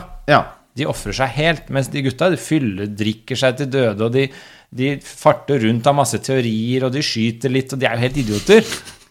og så er det disse tre damene som egentlig er det Raskolnikov kommer til til slutt. Ja, Når han jeg- kysser jorden, så er det egentlig damene han kysser. De har gjort det hele tida, de. De har drevet og kyssa jorda hele tida. Jeg, jeg tror kanskje det er en av de tingene jeg liker så fantastisk godt med den boken her. At det, vi har jo kommet fram til ganske mange ganger før at det, mm, Fjodor har et litt sånn anstrengt forhold til kvinner. For en gangs skyld så kommer damene veldig godt ut. Ja. Eh, Og det syns jeg var ganske deilig å lese. At det er sånn der, Ok, greit, så slapp jeg det derre bedritne kvinnesynet. Ja. Nei, altså, de kommer veldig bra ut her. Jeg tenker det er litt sånn De, de er jo på en måte moder jord her. Altså, de er det jordnære. Ja, jeg, de kommer veldig godt ut av det. Moren hans kommer godt ut av det, og um, søsteren kommer ut av det. Mora mora er jo litt stressende av og til, da. Hun er litt sånn klam. Ja, men det, det, Hun lever i en fornektelse, blant annet, om at han, blir, han er tatt for drap og Ja. sendt til Sibir. Hun, tror, hun sier seg sjøl at han bor et annet sted, og hun unnskylder at han ikke sender brev. Mm. Ja. Hun lever i en total fornektelse for sønnen sin. Ja, det, det, det, det er det jeg nevnte i stad. Absolutt alle karakterene har en dualitet i seg, hvor de har en veldig god side, og så har de en veldig dårlig side. Hva er dårlig Eh. side til søstera? Hun driver også og skal ofre seg for han og gifte seg med feil fyr og sånn. Ja, det, er på en måte eh, Hun er litt vanskelig å. Eh, skal jeg si med hun, hun, hun roter jo seg bort i mannfolk hele tida, på en Ja. måte. Eh, og med, skal gifte seg med idioter, og på en måte Og så kommer det en konflikt med han godseieren, for han driver og klår ja. Ja. det mye, så hun, så jeg, så jeg tror det, hun er litt mer ullen, men det tror jeg bare for at vi har et helt annet syn på seksualitet i dag enn en, en, uh, antageligvis Russland på den tiden, da, selv om de absolutt ikke virker sånn. For det er jo, alle gutta er jo en gjeng med overivrige fuckboys som bare flyr rundt, og de må jo ligge med noen, på en måte. Ja. Nei, det er ganske Ja. Og så han derre godseieren som eh, hun søstera jobber hos til å begynne med. Svedje Gailov, ja. Han eh, begynner jo å klå litt på, så blir det en stor skandale, og så innrømmer han, eller er det kona som innrømmer at det var bare tull, det var ikke søstera sin skyld allikevel, så hun blir, hun blir jo rengjort fra den skandalen. Ja, nei, det, det, var, det var kona til Svedje Gailov som, som virkelig går til full frontalangrep på, på, på søsteren Donia Ja. Eh, eh, men så kommer faktisk fuckboy Svedje Gailov og innrømmer at nei, vet Ja, du hun var uskyldig. Det er jeg som har prøvd Ja. meg på hun. For han er litt interessant også, for han har helt klart en god og en dårlig side, som du sier. Fordi han er sånn klåfingra, sånn fuckboy, som du kaller han. Og så er han litt sånn halvpedo. Han liker veldig unge jenter. Den lange scenen hvor han beskriver overfor Raskolnikov denne unge 16-åringen Ja, sin nye forlovede, ja. som han er, og han er 50-åra. ja. Og så har han denne unge dama, og så forklarer han hvor fantastisk flott det er med disse unge pikene som er så uskyldige. Og det er veldig sånn på Lolita-tendenser der. ja. Og Raskolnikov liker du ikke i det hele tatt. Han, Der kommer Raskolnikovs gode side. Han, liksom, han forklarer liksom hvor forferdelig han, han er, da, som driver med disse unge jentene. Ja. Og han, godseieren, han ender opp med å skyte seg. ja. Han stikker av og skyter seg. Og, han, han, og det han gjør også, er at han, før han skyter seg sjøl, så sørger han for at alt av penger eh, går til eh, de som måtte trenge det. Han gir jo til denne, denne 16 år gamle nyforloveden som er, Det er bare en sånn bitte liten sidehistorie som egentlig Ja. ikke henger med i det hele tatt. Men han sørger for at hun får en haug med penger. Hun sørger for at Donia får masse penger. Søstera Ja. til Raskolnikov. Ja. Ja, Uh, og han på en måte rydder virkelig opp etter alt det tullet sitt. Ja. Så skyter han seg sjøl. Ja. Så han også kommer til en slags forsoning. Ja. Men han kysser ikke jorda og lever videre. Han ender det. ja. Kysser, kysser pistolen istedenfor. Ja. Så ja. Nei, det er ganske Ja. Hvilke andre karakterer er det som stikker seg ut her? Jeg har jo eh, Jeg satt og tenkte eh, Når jeg leste den, så tenkte jeg Vet du hvor mye jeg gleder meg til å spørre Einar? Hvem er det du syns er den verste personen i denne historien? Mm. Det syns jeg er ganske morsomt, for dette her kommer tilbake til spørsmålet, da, som har de som er store, lov til å gjøre noe som vi alle mener er galt? Og da er det ganske interessant det spørsmålet er vi da enige om hvem som er den absolutt verste. Hvem er den verste? For jeg, I min verden er jeg, jeg er 100% klar på hvem som er den verste. ja, hvem er den beste? Er Sonja, eller hvem er vi enige om det? Eh, Sonja er den beste. Ja. Ja. Den verste um, nå ble jeg stressa. Hvem tenker du er den verste? Jeg syns at Lushin er den absolutt verste.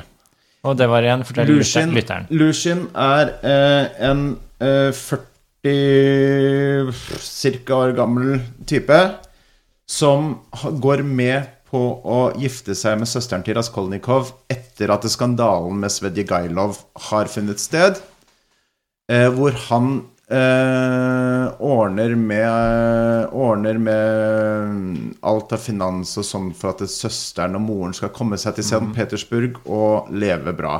Dette er en advokat på et eller annet vis. Jeg kan, jeg kan ikke noe om de titlene i advokatverden, men eh, et eller annet sånn ganske høyt anerkjent type. Han er eh, 45 år og blir beskrevet som en ganske kjekk type. Eh, meget forfengelig. Har ikke en eneste eh, egen tanke i sitt eget hode.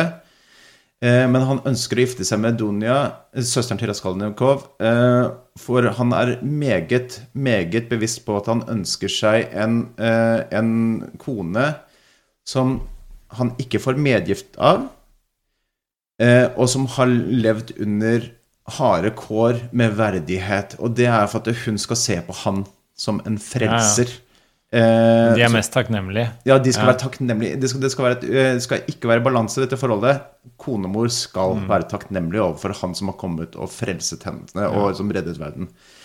Eh, Raskolnikov gjennomskuer denne typen for å være en drittsekk umiddelbart. Mm. De andre ser det ikke så tydelig, men Raskolnikov, eh, som er den, kanskje liksom den verste på det tidspunktet der, han har faktisk nok gangsyn til å se hvor grusom denne typen her er.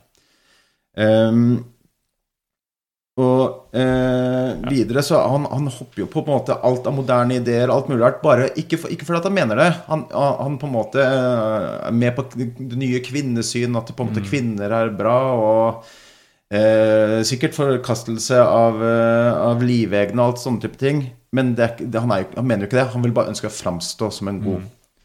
Helt mot slutten så klarer han å bli eh, kasta på båten av søsteren til Raskolnikov. Han prøver å finne på noe nytt, så det han prøver på da, er at eh, han lurer Sonja eh, ved at han, han tar eh, og eh, Han gir henne noen penger, men istedenfor å gi henne de pengene, så gir han henne en 100 rubler istedenfor om det er 5 rubler eller et eller annet den duren. Så under begravelsen til hennes far, som er en av grunnene til at hun har måttet prostituert seg Hun har, blitt, hun har, hun har, har så jævlig gjennom hele livet sitt, og det bare havna i dårlig situasjon hele tiden. Så kommer han inn under denne begravelsen og sier Hei, jeg vil bare påpeke at denne damen har eh, stjålet fra meg. Og da har han da lurt penger inn i kjolen hennes. Eh, og eh, Hvorfor gjorde han det? det er for at han skal ha henne på lik linje som Sonja. Han vil at han skal da tilgi henne, men da er hun i evig takknemlighet. Ja, Og så kan han ja. si 'Jeg kan gifte deg med meg', men da må du huske på 'You owe me'. Ja, ja. Så det, Ja. Og, det, og der tenker jeg at det er den gjennomgående Helt bedritne holdningen til mennesker rundt seg som gjør at han i den gjengen her, som alle finner på ganske mye rart, Ja. er uten tvil den verste. Ja, jeg er enig i det. Jeg kommer ikke på noen som er verre. I hvert fall ikke når du sier det sånn. Men det som er interessant, er jo at han er jo da Han er jo også på en måte den mest sånn kulturelle veltilpassede, er han ikke? Han, sånn vel, han har en fin jobb, han, liksom, han, han er opptatt av å passe inn i kulturen, følge konvensjoner. Han, Ja. han er liksom, det verste mennesket her er jo det som på en måte representerer kulturen best, er det ikke det? Jo, det, er- det, er- han, sånn han blir beskrevet, er jo det er han jeg vil tro at det samfunnet aksepterer mest. Ja, altså Eh, og det- og Ingen Ja, Og, det er, og det, er, eh, det er ingenting du kan utsette på ham på overflaten. nei. Eneste folk lurer litt på hvorfor han er singel, men, eh, men det er jo bare for at han eh, har dedikert sitt liv til eh, sin veldig krevende jobb. Altså, han, er, han er opptatt av fasaden. Ja. Og det kommer jo ikke bra ut i Dostojevskij. Mens Raskolnikov er ikke opptatt av fasade, og Nei. han kommer bra ut. ja, Så han er så opptatt av fasade at han er villig til å behandle alle andre ekstremt dritt. Ja. For å, for å beholde sin, eh, sin følelse av å være bedre enn alle andre. Og det bekrefter vel det vi sa om Dostojevskij generelt, at det er kulturen som er problemet her. Mm. Mennes Ja. Menneskets natur, det gode i mennesket, blir kvært av kulturen. Det er vel egentlig den overordnede moralen i Dostojevskij, er det ikke det? Kulturen kveler det gode i oss. Jo, det er, jo, det, jo, jeg tror du er inne på noe der. Den ondeste karakteren er jo den som på en måte representerer kulturen best, mens den beste karakteren er jo den som på en måte er helt utsiden av kulturen. Ja. Ja, det, jeg tror det ganske, jeg tror det er ganske spot on, egentlig. Ja. Uh, Men jeg er enig i at han er den kjipeste karakteren. Jeg kommer ikke på noen som er kjipere. Nei, det er, det, er flere, det, er flere, det er jo flere kandidater, for å si det, å si det mildt. Men uh, bare så klar, nå- har vi da ekskludert han som dreper noen for en dårlig idé. Ja, men det er jo interessant, fordi han kom jo ikke verst ut. Han kommer, han kommer nest best ut i Ja. hele historien. Så det er jo interessant. Men hun pantelonsken kom jo heller ikke godt ut. Nei, men hun eh, Ja, likevel, disse pengene, da. Hun skal jo bruke dem på et kloster, og i deres øyne på den tiden så var jo det å, å gi penger til et kloster mm. Det var jo meget godt. Ja. Men det blir jo også beskrevet i en bisetning at det er jo for at hun skal bli lovpriset av dette Ja. eh, klosteret eh, inn i evigheten. Ja. Eh, Nei, så- jeg tenkte men litt øyeblikk på henne. pengene går jo til noe godt. Ja, Eh, hvis jeg forstår den, den tid riktig, da. ja. Men jeg likte også han eh, På den bedre sida, da, så likte jeg han politikonstabelen litt, jeg. Han etterforskeren. Ja. Fordi han eh, også litt sånn Han begynner å mistenke Raskolnikov tidlig.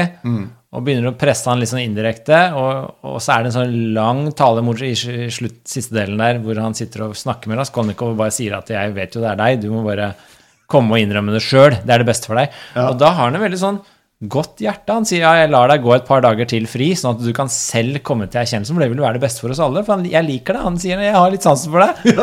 Så bare, ja, han lar han liksom selv komme og bekjenne og, og innrømme sine synder, da. Ja, han gjør jo det. Jeg ser på han litt mer som en sånn orka som leker med en Eller sånn, hva er det for noe på norsk? Orka Spekkhogger. Som leker med en sel, da. Så bare, ja, ok, greit. Stikk, stikk og lek litt. Eller en katt som leker med mus. Ja, var det jeg tenkte på. Ja. Er litt mer eksotisk i mine dyrereferanser. Jeg sitter litt sånn der ja. Nei, men jeg, jeg syns han er en litt sånn artig karakter, fordi han eh, Jeg vet ikke, jeg likte han litt. Ja, nei, Burde jeg ikke ha likt han? Hva var, hva var galt med han egentlig? Hva var hans verste side? Eh, Nei, det er, jeg syns jo hans ille side er jo det på en måte at han, han eh, torturerer jo Raskolnikov. Eh, Jo, men Er det ikke for at han skal komme til en erkjennelse? Eh, Hvis han bare hadde arrestert med en gang, så er det ikke sikkert Raskolnikov hadde kommet til den store erkjennelsen. Nei, jeg tror, jeg tror bare at det, for, for alt den dualiteten som blir presentert her, så foregår jo det meste på overflaten. Og det er jo på en måte det som ligger inne, som er det ekte, som på en måte viser eh, en persons ordentlige karakter. Og det, eh, den personen her har jo eh, Han gjør jo på en måte Han er jo faktisk den da politimannen som vi er enige om kan skyte Anders Behring Breivik, for da hindrer han til å finne på mer. Ja. Så han er jo kanskje da litt sidestilt da, fra hele den godt versus ondt-greiene.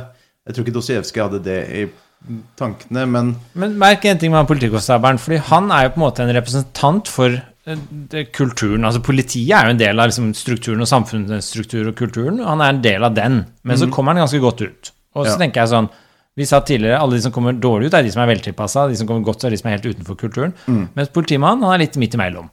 Og jeg tror det interessante her er jo at eh, han bryter jo på en måte litt. Han kunne jo arrestert han tidligere, og han kunne jo vært mye mer sånn politi-politi. Mm. Men han gjør ikke det. Han kjører litt sånn eget sololøp og sier liksom sånn Torturerer han litt for å, sånn jeg leser det, hale ut av han denne erkjennelsen som han mener han burde komme til for alles ve og vel. Mm. Ja. Han burde innrømme det for at han andre er tatt, og han er jo uskyldig, så han burde innrømme sånn at ikke han får straff, og så burde han innrømme det overfor seg sjøl, Ja. sånn at han får det bedre med seg sjøl. Så han bryter jo litt med den politiregelen om å arrestere de skyldige her, fordi han mener det er til det beste for alle at han kommer til det sjøl.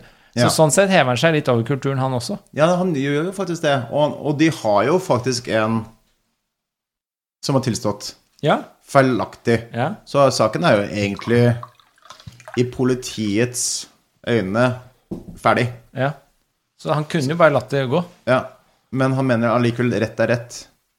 Uh, nei, han er Han, han, han, Han er et slags kulturelt håp, egentlig, kanskje, fordi han er jo en del av kulturen, men han er ikke så verst. Kan vi si at han kom på tredjeplass i beste, beste folk i boka? Ja. Ja. Men det er jo interessant, for da gjør ikke Dostojevskij det helt svart-hvitt. Det er ikke sånn at all kultur er ille. Det er noen deler av samfunnssjiktet som kanskje kan Han, men han, være gode, men det er enkeltindivider, da. Det er ikke systemet. Ja, nei, for at jeg vil se på eh, Men det er jo det at han bryter med systemet til politiet som gjør han god, da.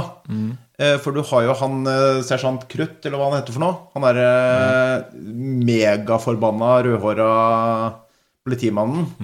Og han er jo fornøyd med så lenge han bare har tatt en person. ja. Eh, Så det er det enkeltindividet. Altså En politimann er jo dette enkeltindividet som på en måte hever seg over kulturen han er en del av, ja. Eh, og, for å gjøre noe godt. og det er jo, og det er jo eh, Dostojevskij er jo veldig veldig opptatt av det. Det går gjennom i alle bøkene. At det er på en måte du, Tanker og ideer, det er så som så, men det er dine handlinger som er det viktige, da. Eh, og, Og så er det enkeltindividets handlinger. Ja, Altså Så lenge du ikke er en del du, ja, ja, da, ja massen er han ikke noe glad i. nei. Nei. Jeg klarer ikke annet enn å tenke på Batman her, fordi Batman hever seg jo over i flere episoder, både i tegneseriene og i filmene, så hever han seg jo over lov og rett for å gjøre det rette. Ja, det gjør han jo. Så han Ja. hever seg over det. Altså, han, han, liksom, han er det individet som snakker om. da. Han hever seg over konvensjoner, i kulturen, for å gjøre det rette. Fader, altså, der har du et kjempepoeng. Batman har jo faen meg lov til å drepe litt. Så Batman er litt sånn som Raskolnikov, bare for han er mye bedre til det, egentlig, for han dreper ikke og sånn. Han, Han gjør ikke det ytterste dumme, han bare hever seg dreper han over. ingen? Veldig tidlig tegneserier så gjør han det. Ja. Uh, første tegneserie, faktisk, fra 39, så gjør han det. Ja. Men det, da er han mer sånn detektiv. Men når Batman liksom finner sin form og blir liksom den Batman vi kjenner i dag, så har han jo denne pakten om at han aldri skal drepe, så han dreper ingen. Han slår okay, de helseløse og sånn, men han dreper dem ikke. ja. Bare fucker dem. Selv i den filmen med Ben Affleck så er det jo slik at Batman eh, Der er han jo veldig nærme, for der skyter han folk. Men så viser det seg plutselig at det var i en drøm. Ben uh, Ok, Ben Affleck. Er det, det er ikke den Nirvana-Batman-filmen? Nei, det er den nyeste. Det er, det er den, den Batman-karakteren før det, da. Så Ja, det var aldri en egen Batman-film. Det var den der Batman vs. Supermann, det var Ja, ja, okay. Justice League og sånn. Ja, riktig. Der er Ben Affleck Batman. Men så, ok, så det er Men Batman er et sånt eksempel. Litt sånn Dostojevskij-eksempel, da. Ja. ja Som er veldig. interessant. Fordi han er en god karakter, men han hever seg over lovrett. Han, han er ikke en del av kulturen, og det er derfor han evner å være en god karakter. Hvis han hadde synket ned i korrupsjonen i Gotham City, og sånn, så hadde han bare vært en del av systemet. Og da hadde han ikke vært noen god karakter. Så det er bare han, og så er det Officer Gordon, politikonstabelen, Ja. som er de to. Og begge de kjører sololøp. Ja, det gjør de. Men det er det som er ganske interessant med det også, for at det, den, den tanken Raskolnikov sitter med, da, er sånn Finnes det mennesker da som er såpass har noe såpass å tilby menneskeheten at de kan ta seg rett til å gjøre noe som ikke er lov? Nå er vi tilbake der vi begynte. Ja, Ja, Det er et ganske kult spørsmål. Superkult. Og, det som, er, og det, som er, det som er interessant med det, er at eh, jeg føler at Raskalnikov forventer at den tillatelsen skal komme fra menneskeheten selv. Men sorry, hele boken viser at det, nei, den, skal, den må komme fra deg selv.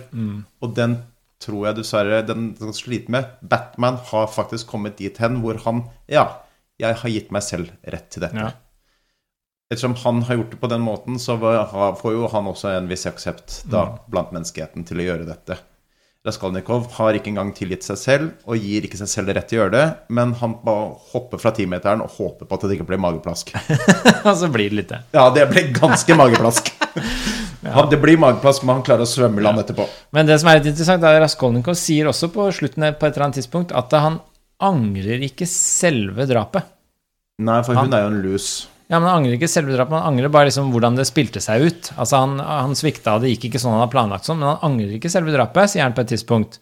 Og okay. det syns jeg er litt interessant, fordi det betyr egentlig litt det jeg hinta til tidligere, at han, han kunne jo ikke ha kommet frem til den gode erkjennelsen uten å ha gjort det.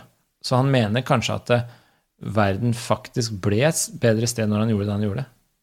Det ble jo det for at det ble en historie hvor vi kan sitte og snakke om den etterpå Ja. og komme til disse her. Ja, så alt ja. i alt så ble det faktisk et bedre sted av det han gjorde. Og det er liksom paradokset her, for vi, vi vil jo ikke erkjenne det, at Nei. drap er berettiget på denne måten. Nei, Men det er litt det det hintes mot at det kanskje er et eller annet der, da. Ja, for det, det, det, det tenkte jeg også Det, det syns jeg er ganske gøy. Da, for sånn bare, for jeg, jeg sitter og gnagde så jævlig. og Bare, men du er jo bare en dust fyr som sitter og har lyst til å drepe folk. Det er jo også bare tenker du Men ettersom jeg er så jævla, jævla flott, så bør jo jeg få lov til det. For jeg skal jo gjøre så jævlig mye bra. Hva skal jeg gjøre for noe? Jeg Blant annet drepe folk. det, han har jo ingenting annet. Men, så bare, så bare, men hvor er dette jeg, La meg i hvert fall finne det, da. Hvor, hvor jeg ser at du har noe stort som du bidrar til samfunnet eller menneskeheten med. da og det er jo faktisk i form av denne historien. Og denne Og den eh, Det at han kommer til erkjennelsen, og på en måte vi ser det, da. Det er det store. Ja. Jeg likte det du sa tidligere, at eh, han eh, Nå glemte jeg det. Nei, ok. Så jeg har satt så mye smart at Ja, nå glemte jeg det. Men ja. Nei, altså, jeg Ja. Er det flere karakterer vi uh, har glemt? Har vi vært tatt for oss de største nå, eller? Eh, Han er som Drukkenbolten. Han er jo også han, dem, han, dem Ja, han Det er jo en kjempe Og for ikke Han spiller overraskende stor rolle i boka. Jeg ble sånn over- I midten der så syns jeg boka blir litt langtekkelig. Jeg syns en god redaktør kunne kutta litt i midten, men du har lest Ja. den så mange ganger at du mente det var feil. Ja. Men jeg syns han Drukkenbolten, det er faren til Sonja, da. Ja, eh, han blir jo- Han drikker og er fyllefant og vil egentlig godt med familien sin, men klarer ikke å stoppe å drikke. Og Ja. Faller full foran en hestevogn, er det ikke det? Altså døren. Ja. Og da blir det begravelse, og den betaler Raskolnikov for. Mm. eh, begravelsen eh, til faren til Sonja. Og ja, så den, den spiller en ganske stor rolle når du skal begrave han fyllefanten. ja, og dette er den begravelsen da hvor Lucian dukker opp etterpå. Han Eh. Ja. beskylder Sonja for å Og mora til Sonja bruker mye penger og tid på den begravelsen for å få det ordentlig. Ja, hun Jeg syns jo hun er jo Hun er jo, øh, hun er jo kanskje en av de personene jeg, Eller hele den familien Jeg får så vondt av å lese om den familien. Eh, så det er jo da Marmeladov som er en sånn derre uh, embetsmann. Lavtranket eh, embetsmann som bare drikker. Ligner veldig mye på børsteskjegg i, i Brødrene Karamazov. Ja. Eh, faren til Ilyusha. Eh, hvor han rett og slett bare er ikke i stand til å fungere. Mm. han, han sitter og ser han, Mens han er sørpedriting så ikke klarer å se, gjøre noe, så ser han på at kona blir banka opp av uh, naboen. Uh, og det tror jeg er Hvis jeg husker dette det er jo litt, Alt er jo litt sånn innvikla, men jeg lurer på om det har noe med å gjøre at han naboen syns det er uriktig at det er Sonja, som nå har fått det gule passet, bor under samme tak som dem. Eh, og mens han da på en måte sitter og ser på dette, så er han så driting så han bare ser på kona bli banka opp. Han sliter så mye med skyldfølelse over dette at han må bare gå og drikke seg videre. Han drikker seg så dritings at han drikker bort alle pengene sine og klærne sine. Eh, eh, hvor han da finner ut at den eneste løsningen er å gå til sin datter, som han på en måte da eh, har klart å tvinge ut i prostitusjon. For at det, ellers så dør hele familien. Barna, Småbarna de kommer til å dø, de har ikke mat. Hvor han da får henne til å gi hennes siste slanter for at han skal kunne drikke seg dritings på nytt igjen og glemme bakfylla si. da. Og dette er da penger som hun har klart å erverve eh, gjennom en prostitusjon, som hun ikke bruker til noen ting for egen glede eller nytte, men det er kun for å ta vare på barna til han drukkenbolten her, da. Søsknene hennes. Søsknene hennes, ja. De barna i tillegg da er jo da, bare for å gjøre alt kjempekoselig, de har da en mor som lider av tæring, sånn som absolutt alle i Dostojevskij driver med. Eh, og hver gang barna er, blir lei seg og gråter, så, eh, så reagerer hun med å denge dem. Hva er tæring egentlig i dag? Eh, det er tuberkulose. Tuberkulose. ja. Ja. Eh, så hun har det jo helt jævlig. Har en mann som ikke klarer å få tak i penger. Uh, eneste løsningen er at eldstedatteren må prostituere seg. Hun banker unger Uh, for at hun har det så vondt. Hun ønsker alltid å framstå Det blir, det blir, det blir poengtert også hvor mye hun ønsker å framstå som Ja. en anerkjent borger i samfunnet. Men allikevel så er det sånn hun ønsker å bli sett på som fin, og vi husker at de er fra en fin familie, og husker at det er alt mulig rart. Samtidig så banker hun unger for at de gråter for at de er sultne. Men Men altså, det er jo ja, ren desperasjon fra hennes side, da, selvfølgelig. jeg leste det hele den familien som nok et uttrykk for at det, i disse Dostojevskij-romanene så er det alltid én scene eller én familie eller én person som blir beskrevet veldig sånn hjertefølt. Husker du i, i Brødrene Karamazov så var det den bikkja som ble torturert av de unga? Ja. Sånn veldig sånn fæl historie. Ja. Så var veldig sånn Den ene ungen som var grein og grein, for bikkja var borte. Ja, det er Ilyusha. Ja, Det var helt Ja. sånn grusom fortelling. Veldig sånn hjertefølt. Og så her er det denne familien som blir beskrevet i denne boka, Ja. i Forbrytelse og straff, som er denne familien med Sonja, som er beskrevet veldig sånn Syns jeg, da, veldig sånn ekte hjertefølt, som du får skikkelig sympati med hvor fælt Det er helt jævlig, ikke sant, det du leser om. Og at hun blir ute i prostitusjon er helt grusomt. Og så ser du samtidig at det, familien er jo drevet til det den gjør, av kulturen rundt. Ja. Så det er nok en gang liksom et eksempel på kulturer som presser oss ut i galskap og ondskap og, og elendighet, eh, mens individene selv egentlig er ganske gode. ja. Sånn leser jeg den familien. Og dette er et eksempel i denne boka som er sånn hjertefølt, sånn skikkelig sånn følsomt beskrevet. Og det er den bikkjehistorien i Brødrene Karamazov. Det som er veldig gøy med de to historiene også, som du trakk, trakk fram og begge de historiene er jo egentlig egne bøker, men som har blitt trukket inn i andre Ja. bøker. Eh, Så både, både, både den, eh, den eh, historien om den familien til Børstekjegg og Ilyusha, de som har denne hunden, og historien om Sonja og Marmeladov og sånn, dette er påstartede egne bøker som da Dostojevskij fant ut du, de funker bedre hvis vi tar og dytter det inn sammen med de andre her. Mm. og derfor, jeg tror også, for jeg syns at de to eksemplene er muligens de vakreste eh, det øyeblikkene i denne boken, og du, og du føler så mye med dem at det Em, Ja. Mm. Men jeg syns det er veldig interessant med hun, der, med hun eh, kona da, til Marmelada, hun som denger unger. Du vet at det betyr syltetøy? Altså han, han er, alle navnene har sånne betydninger. Ja, Og det navnet på den familien betyr faktisk syltetøy. de gjør det, ja. Lurer på hva det men jeg lurer Nei, men hva mente med det.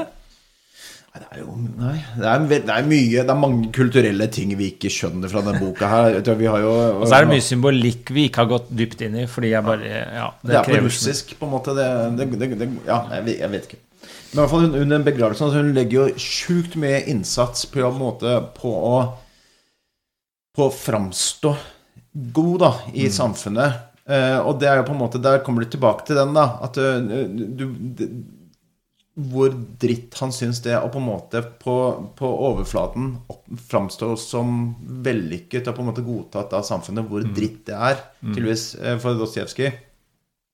Hvor han evner med den derre superkrangelen med tiden. Altså, den, det, er, det er så tragisk, og det er så morsomt, den derre begravelsen hvor hun ender opp med som å hun sitter og slenger drit om alle som har kommet i begravelsen. Det er jo, det er jo ingen som kommer. Og det er eneste som oppfører seg ordentlig og høflig i, i, eh, i begravelsen, er jo et par polakker som hun ikke aner hvem er, men hun sitter bare og slenger drit til dem hele tida. Og så kommer det jo huseiersken, som er en eller annen tysk dame, og det Og for å si det sånn, i dostojevskisk verden, å være tysk, det er det samme som at du er ganske dritt. Ja. Og det eh, Og hvordan hun ble framstilt også, den krangelen mellom de to, er helt fantastisk.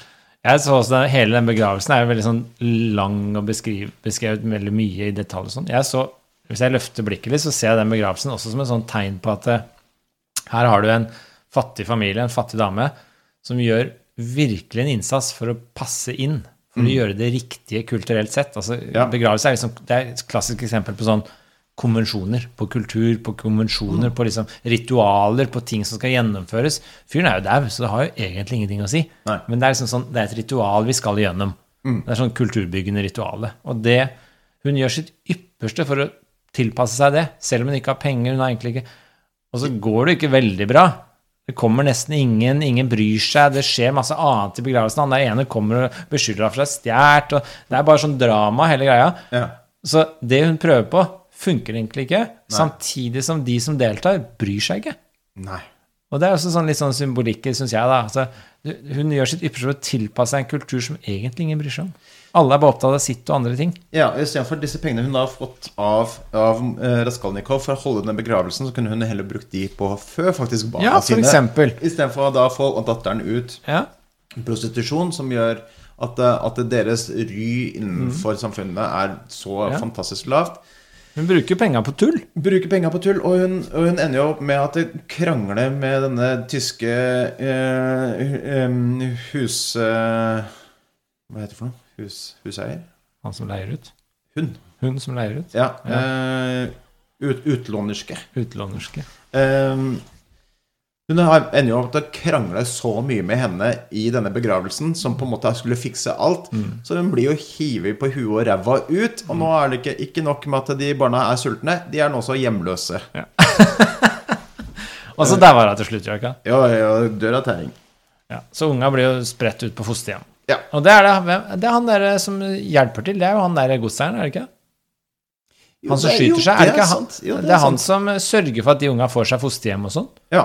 Så han egentlig Han rydder opp ordentlig, som du sa. Han, han rydder opp for dem og han. Ja, og det her er- vitner jo ganske mye om denne eh, Det jeg snakka om da, det der familiekrattet av personer i Dosjevskij-bøker. For da, da kommer han inn som har ingenting med denne familien å gjøre. Ja. Eh, og han redder den familien ut av det blå etter å ja, Så det, det er sånn han, De kommer fra som alle flanker, da. Og det gjør denne boka litt forvirrende å lese. Men eh, ja. Så du må lese den sju ganger. Jeg tror ikke jeg er ferdig. Jeg, jeg skal lese den igjen, men eh, Men eh, Nei. Men altså, er, eh, nå har vi jo vært gjennom det meste her, Mm. føler jeg. Jeg tror ikke jeg kom på noe veldig sånn ut fra boka. Er det noen Er det noen eh, Jeg er litt sånn opptatt av at vi skal ta det her litt sånn eh, innover oss da, når vi leser disse tingene. Eh, Det er derfor jeg liksom glemmer å sjekke årstallet boka kom ut, for jeg er bare opptatt av liksom, hva er den boka egentlig sier meg.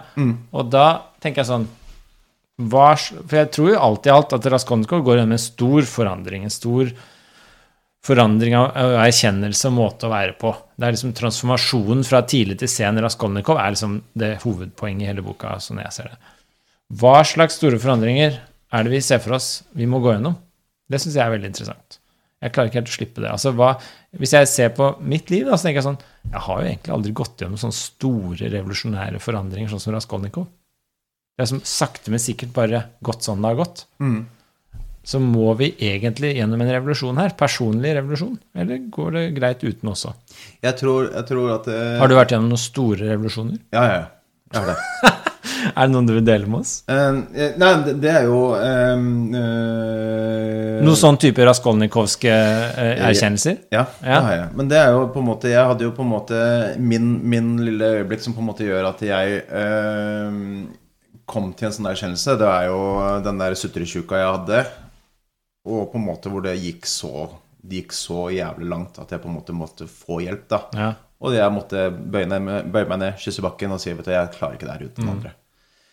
Um, fram til det For jeg kommer ikke Det er ikke Jeg tror ikke noe på uh, den derre uh, Et sånn det, er, ikke- det, er, ikke- det er ikke noe sånn Big Bang var ikke et sånn bang, og så var det, var det der. Det, det var en stor ekspansjon, da. Ja. Og jeg tror det er sånn det egentlig Jeg tror det er sånn det fungerer. Det starter, og så er det et, en liten switch som gjør en sånn fra natt til dag. Men det likevel, Det har vært gryning Ja, det har ganske bygd, lenge. bygd seg opp, ja. Ja. Og, jeg Og det skjer med Raskolnikov òg. ja, det, så jeg var jo gjennom det ganske lenge. Eh, en periode på en måte hvor jeg begynte å se vet du, Jeg tror det faktisk ikke er nødvendig at jeg skal se at alt er så forbanna dritt. Eh, at det her er Alt ligger i skodda hele tida. Så jeg, jeg tror at jeg kan jeg, jeg, Måten jeg oppdaget det på, at jeg var fløy hjem fra USA eh, på en snowboardtur på et eller annet jeg har vært på, så hadde vi hatt et sånn heidundrende sjøslag eh, dagen før, og jeg var så fyllesyk. Ja. Eh, så Og plutselig satt jeg bare Å, herregud. Altså, altså, du akkurat nå så tror jeg kanskje det er en fordel om dette flyet styrter, for da slipper jeg å ha det så jævlig. Eh, så satt jeg og begynte å tenke på det. Bare, men ok, men nå skal jeg la meg pinpointe, da. Hva er det som er så jævlig? Det var fyllesyke. Og så klarte jeg sånn Du feiltolka det. Det var egentlig bare fyllesyke. Å ja, ja, det, det var fyllesyke, ja. Ja, det er fyllesyke. Men jeg, jeg tenkte Ja, ok, sorry. Jeg skal ikke le av det. Ja. Så, så tenkte jeg, men, men hva er det som er så jævlig, da? Hva er den, av denne fyllesyka? Liksom, hva, hva er det som gjør så jævlig vondt? Men jeg klarte ikke Idet jeg begynte å undersøke det, så klarte jeg ikke å finne en eneste ting. Men jeg hadde bare en sånn generell følelse av at alt er dritt. Men så jeg bare, ok, men hva, men hva er det faktisk, da? Og jeg fant ingenting. Og da jeg plutselig innså at vet du hva, hvis jeg undersøker ting og ser nøyere på det, og virkelig tenker over det, så viser seg at alle de oppfatninger og ideer og tanker jeg har om verden, kanskje oppløses til at det ikke er noe. Og det er på en måte hvordan jeg selv setter det sammen, som, som, som gir det tydelig, da. Og det har jo jeg visst hele tiden sånn oppi huet, men det var første gang jeg fikk den der kjennelsen, med kropp og sinn. Ja. At eh, Vet du hva eh, Og jeg gikk litt sånn eh, Jeg tror jeg var på vei til København. Eh, jeg lurer på om det var Jeg husker ikke. Det er i, det er, I mitt hode så er disse to øyeblikkene etter hverandre. Da, men så husker jeg altså, de jeg gikk rundt København, og så tenkte jeg hva faen, er jeg kald? Bare, Eller er jeg kald? Og så bare Nei, vet du, jeg er jo egentlig ikke kald, men det er bare at jeg forventer at det skal være kaldt, så det er jo går og skjelver, liksom. Eh, og da begynte jeg virkelig å se det at nei, jeg kan virkelig, virkelig bevisst skru synet på hvordan jeg oppfatter verden. Og det startet da med sutresjuka og fyllesjuke. Eh, som gjorde at jeg endret helt hvordan jeg så på verden. Man begynte aktivt å se etter andre ting. Og da er det mm, Så du kyssa egentlig jorda på et fly, du? Ja. Ja, ja. Men det var det, var det første. Men jeg synes ikke Det er noe med det å fly òg, er det ikke? Altså, når man flyr, så blir men, man litt men, sånn Men det var ikke, jeg syns ikke at det, det kysseøyeblikket mitt var Jeg synes ikke det var på flyet, men jeg tror det var der det starta. Det var, det var liksom første lille glimtet av soloppgangen. da ja.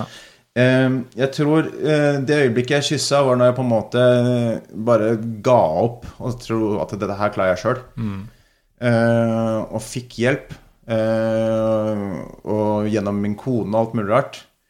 Det var da den på en måte sånn jeg, Sorry, jeg er ikke Jeg er ikke stor og sterk nok sjøl.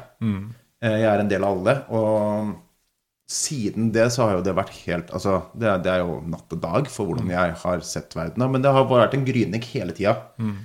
Um, og jeg tror det kommer Jeg tror fortsatt dette er bare et lite øyeblikk i forhold til hva som er mulig å få, få syn på og få erkjennelse om. Men for min del så har det vært liksom Det er virkelig før og etter. Det er sånn, Hva er det for noe? AD og BC. ja.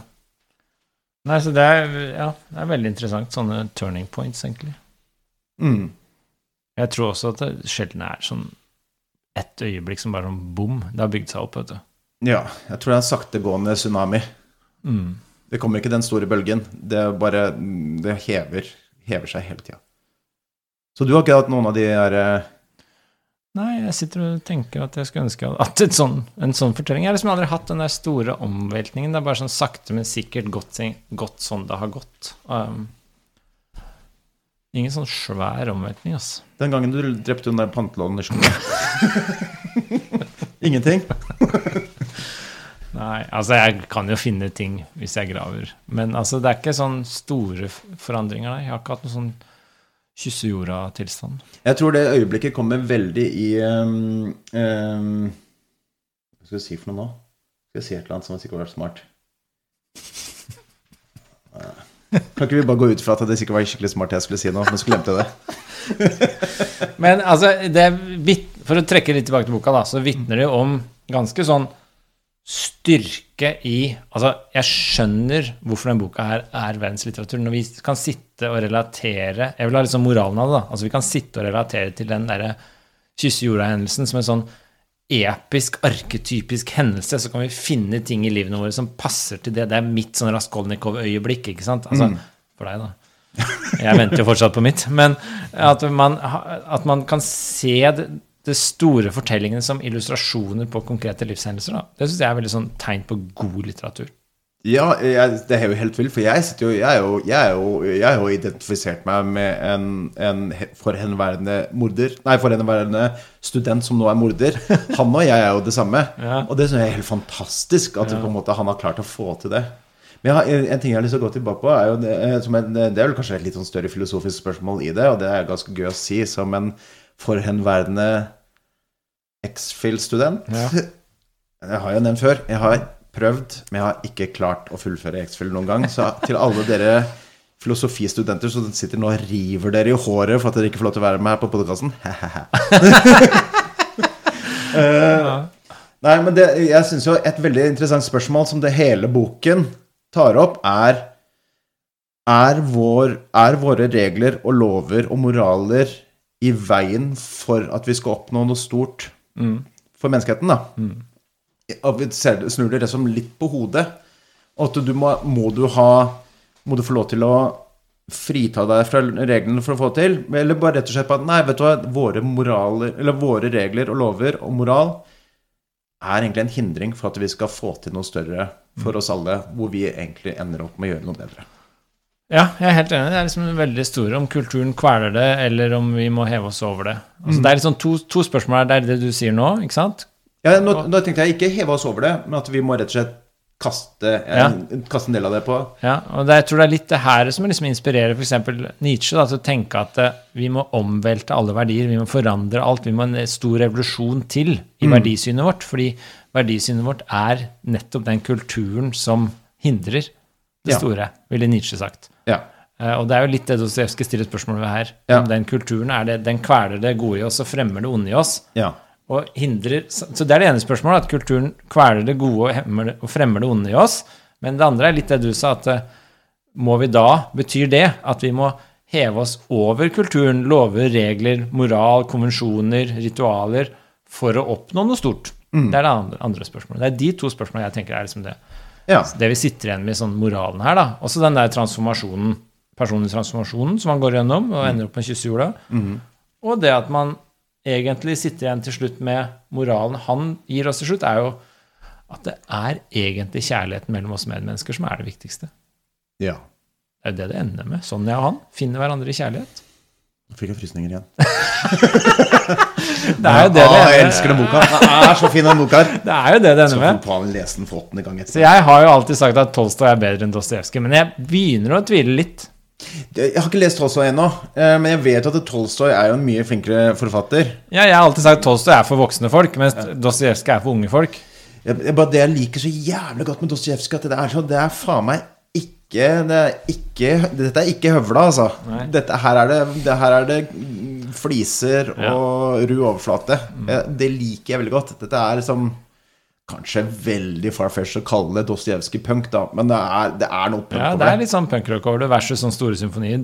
Tolstoy er en stor symfoni, mens Dostojevskij er litt sånn punkrock. Ja. Men men jeg tenker også at det er en grunn til at eh, jeg har spurt om du er med lest Dostojevskij i den serien, denne podkasten, fordi det, det er jo en av de mer filosofiske forfatterne. ja. Det er veldig mye filosofiske ideer som florerer. For eksempel i denne boka bare denne litt sånn spørsmål om uh, forsoning og sånn, selvfølgelig, men også bare sånn utilitaristisk tenkning, konsekvensetikk. Det er det som er ideen som driver den. Han tenker at jeg skal gjøre noe som er noe av en kjip ting, for at det er bedre konsekvenser alt i alt. Og det er en sånn Han utforsker den, og så viser det seg at det funker jo ikke særlig godt å tenke sånn konsekvensetisk. Så moralen er litt sånn Han dreper i konsekvensetiske av konsekvensetiske hensyn, nemlig Altså det vil si da at jeg gjør en ting for at det skal forbedre Du skal eller bør gjøre det som har de beste konsekvensene for flest mulig. Det er konsekvensetisk tenkning. Og det den ofte blir beskyldt for, er å overse litt måten du gjør det på. Ikke sant? Ja, okay. Så for eksempel et problem er litt sånn Hvis det jeg bør gjøre, er det som leder til de beste konsekvensene for flest mulig, og så innebærer det å gjøre noe ondt her og nå, fordi Ja. det forbedrer sikt, så bør jeg gjøre det ifølge den teorien. Riktig. Eh, Så hvis du trekker det veldig langt, da, så Ja. er konsekvensetisk problem er f.eks. at Hitler starta andre verdenskrig. Og det leda til at FN ble oppretta Ja, riktig. i Ja. 1948. Og hvis FN på lang sikt skaper verdensfred, så vil jo det Hitler gjorde, få de beste konsekvensene. Og det er et problem for utilitaristen, for han vil jo ikke si at Hitler burde ha starta andre verdenskrig. Nei. Så det er litt sånn klassisk karikert problem for utilitaristen, da. Ja, riktig. Sånn Og at det er det Dostojevskij utforsker her. Ja. Bare Han- på en mye mer kondensert, destillert Ja, det er det han utforsker. Han tar livet av den pantelånsken, for han skal gjøre noe bedre alt i alt. Ja. Noen konsekvenser skal bli bedre. Ja. Og så er jo moralen det funker ikke. Nei. Det går jo ikke. Altså det, det går ikke særlig bra. Det går ikke sånn han har planlagt. Han, det går ikke bra med han, det går ikke bra med noen, egentlig. Nei. Så å tenke sånne store ideer og tenke sånn konsekvenser, det lønner seg ikke. Det jeg trekker ut av det, er jo heller at eh, de som kommer best ut av det, er jo ikke de som gjør handler ut fra konsekvenser. Sånn som Sonja handler jo Hun blir jo prostituert ut fra konsekvenser. Hun skal gi penger til familien sin. Det får noen bedre konsekvenser. Er jo ikke en bra greie, det heller. Det som kommer bra ut her, er de som har gode karakterer.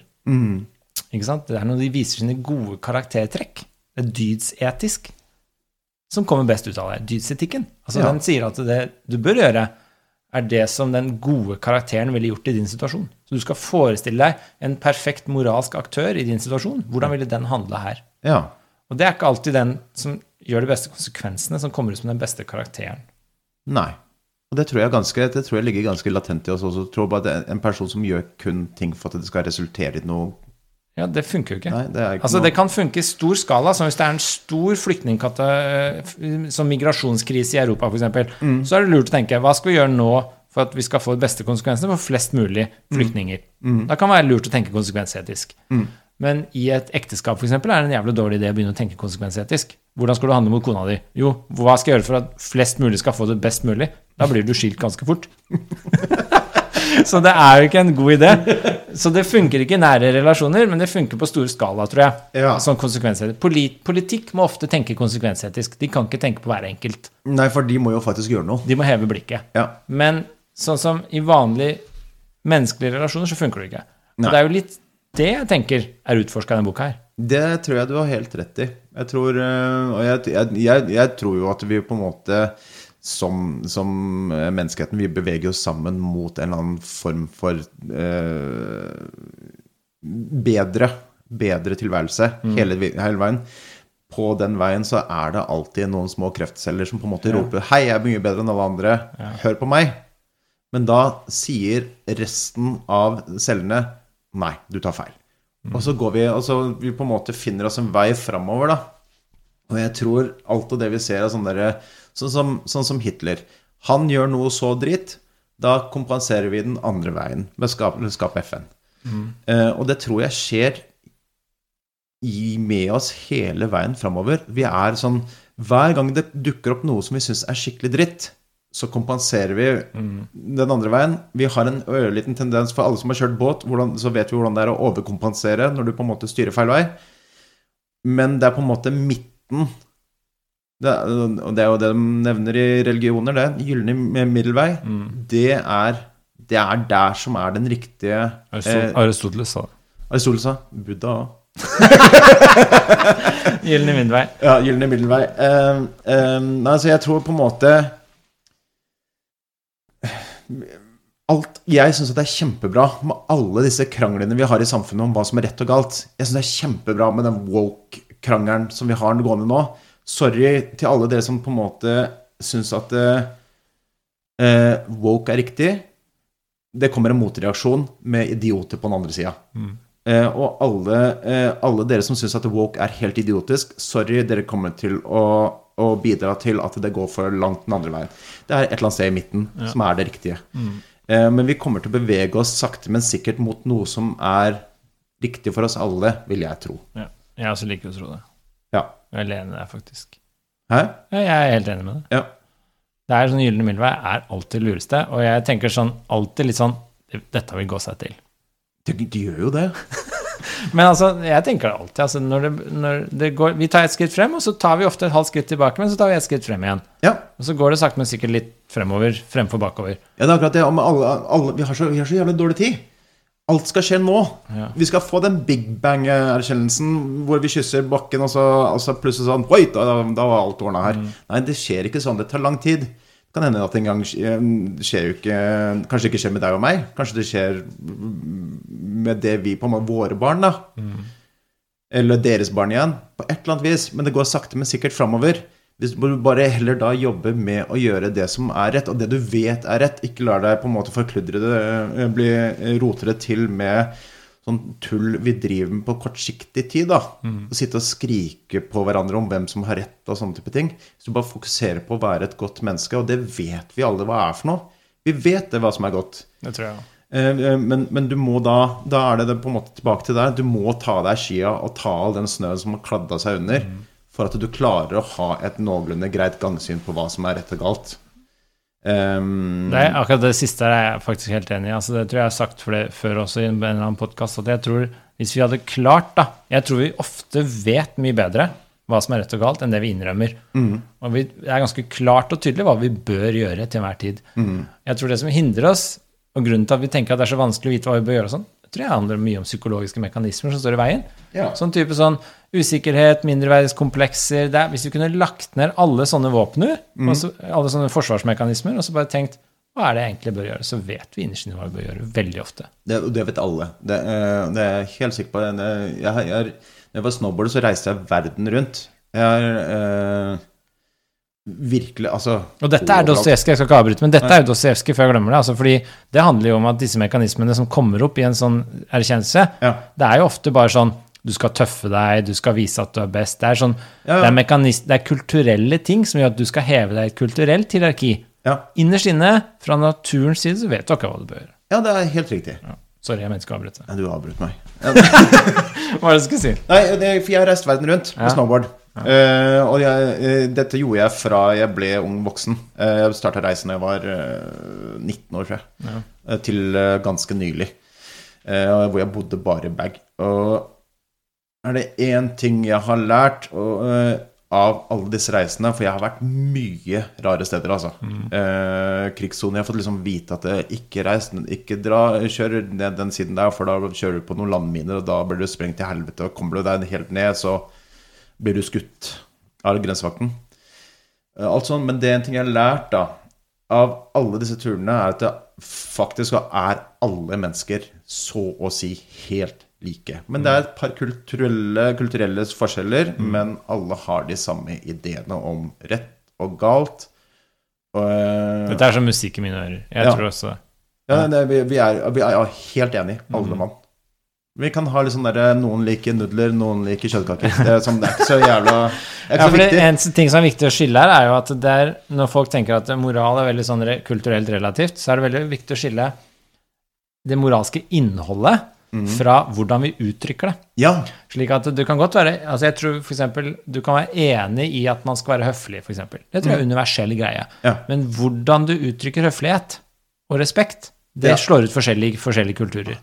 Men jeg tror innholdet er det samme, og det er lett å mikse de to og tenke at siden det slår ut forskjellig, så er, er ideen relativt en kultur. Men innholdet er egentlig det samme. Jeg syns det er et nydelig eksempel. Akkurat det med høflighet er beste eksempelet på akkurat det. For alle ønsker å være snille mot andre. Ja.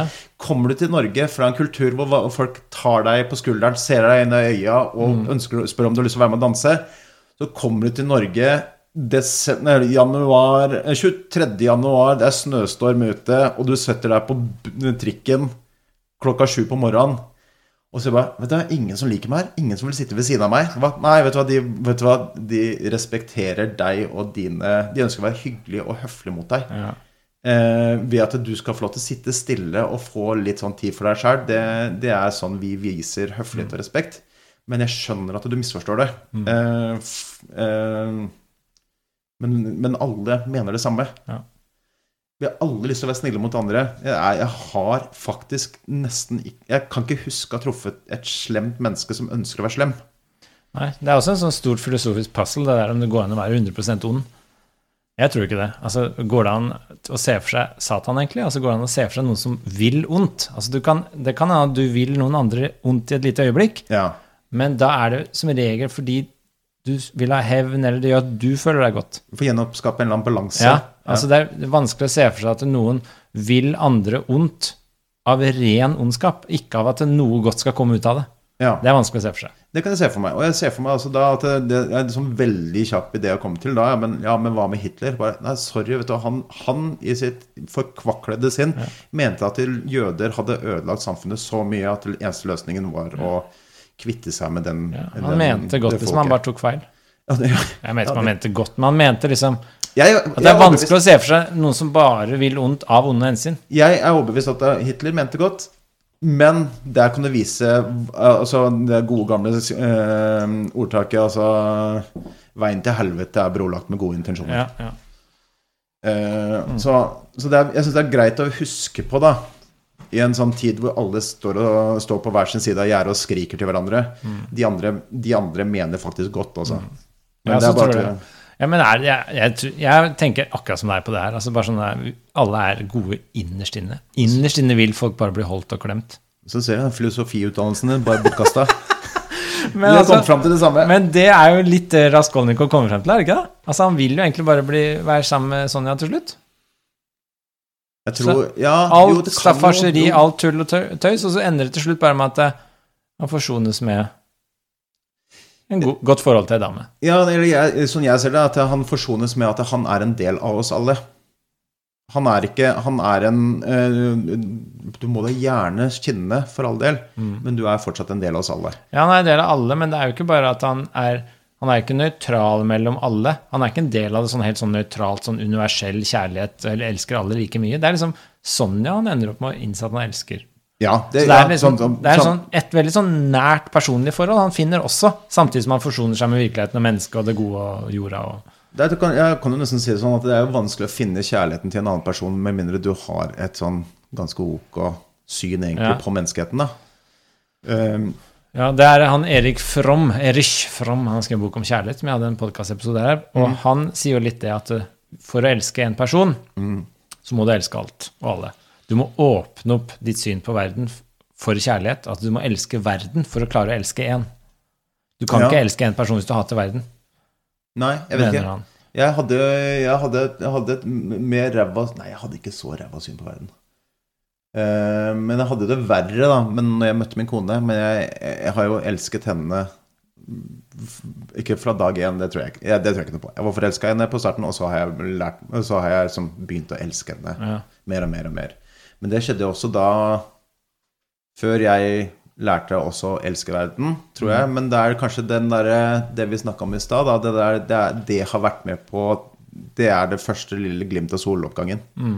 Det kan godt være. At det åpna opp for å klare resten av verden òg. Det kan godt være. At Gro Margrethe Berentsen Larsen har Det er romantisk.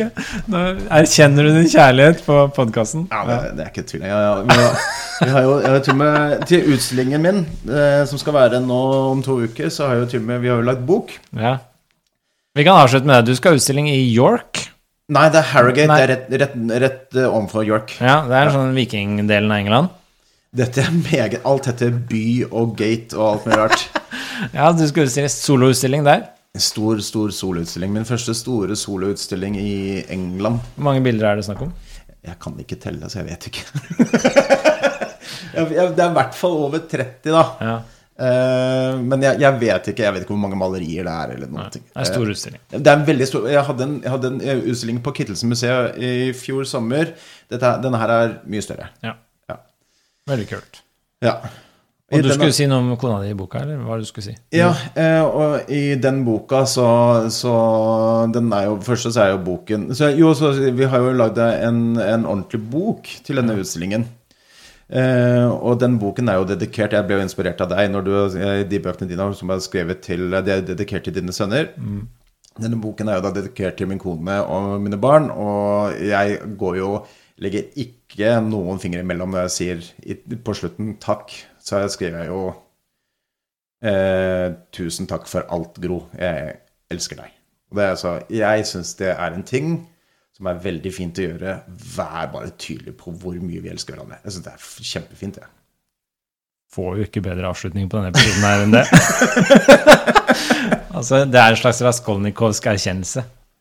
Eller er ikke en erkjennelse, men det er en bekreftelse av det du har erkjent Ja, for lenge siden. Ja.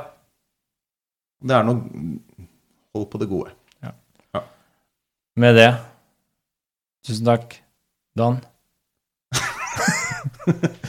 Eh, Husker jeg ikke hva det etternavnet var. Dan. Nei, ser du? Se, det er grunnen til at det er Danny Larsen mye bedre. Og vi kom fram til Ok. at ditt, ditt, du, Duenger Bøhn var det du skulle være ditt filosofnavn. Nei, men uh, tusen takk for at du kom, Danny. Det var veldig hyggelig. Nok en gang. Veldig hyggelig. Vi skal ta en uh, Dostojevskij til etter jul. Mm. Da er det en ung manns eh, historie. Mm.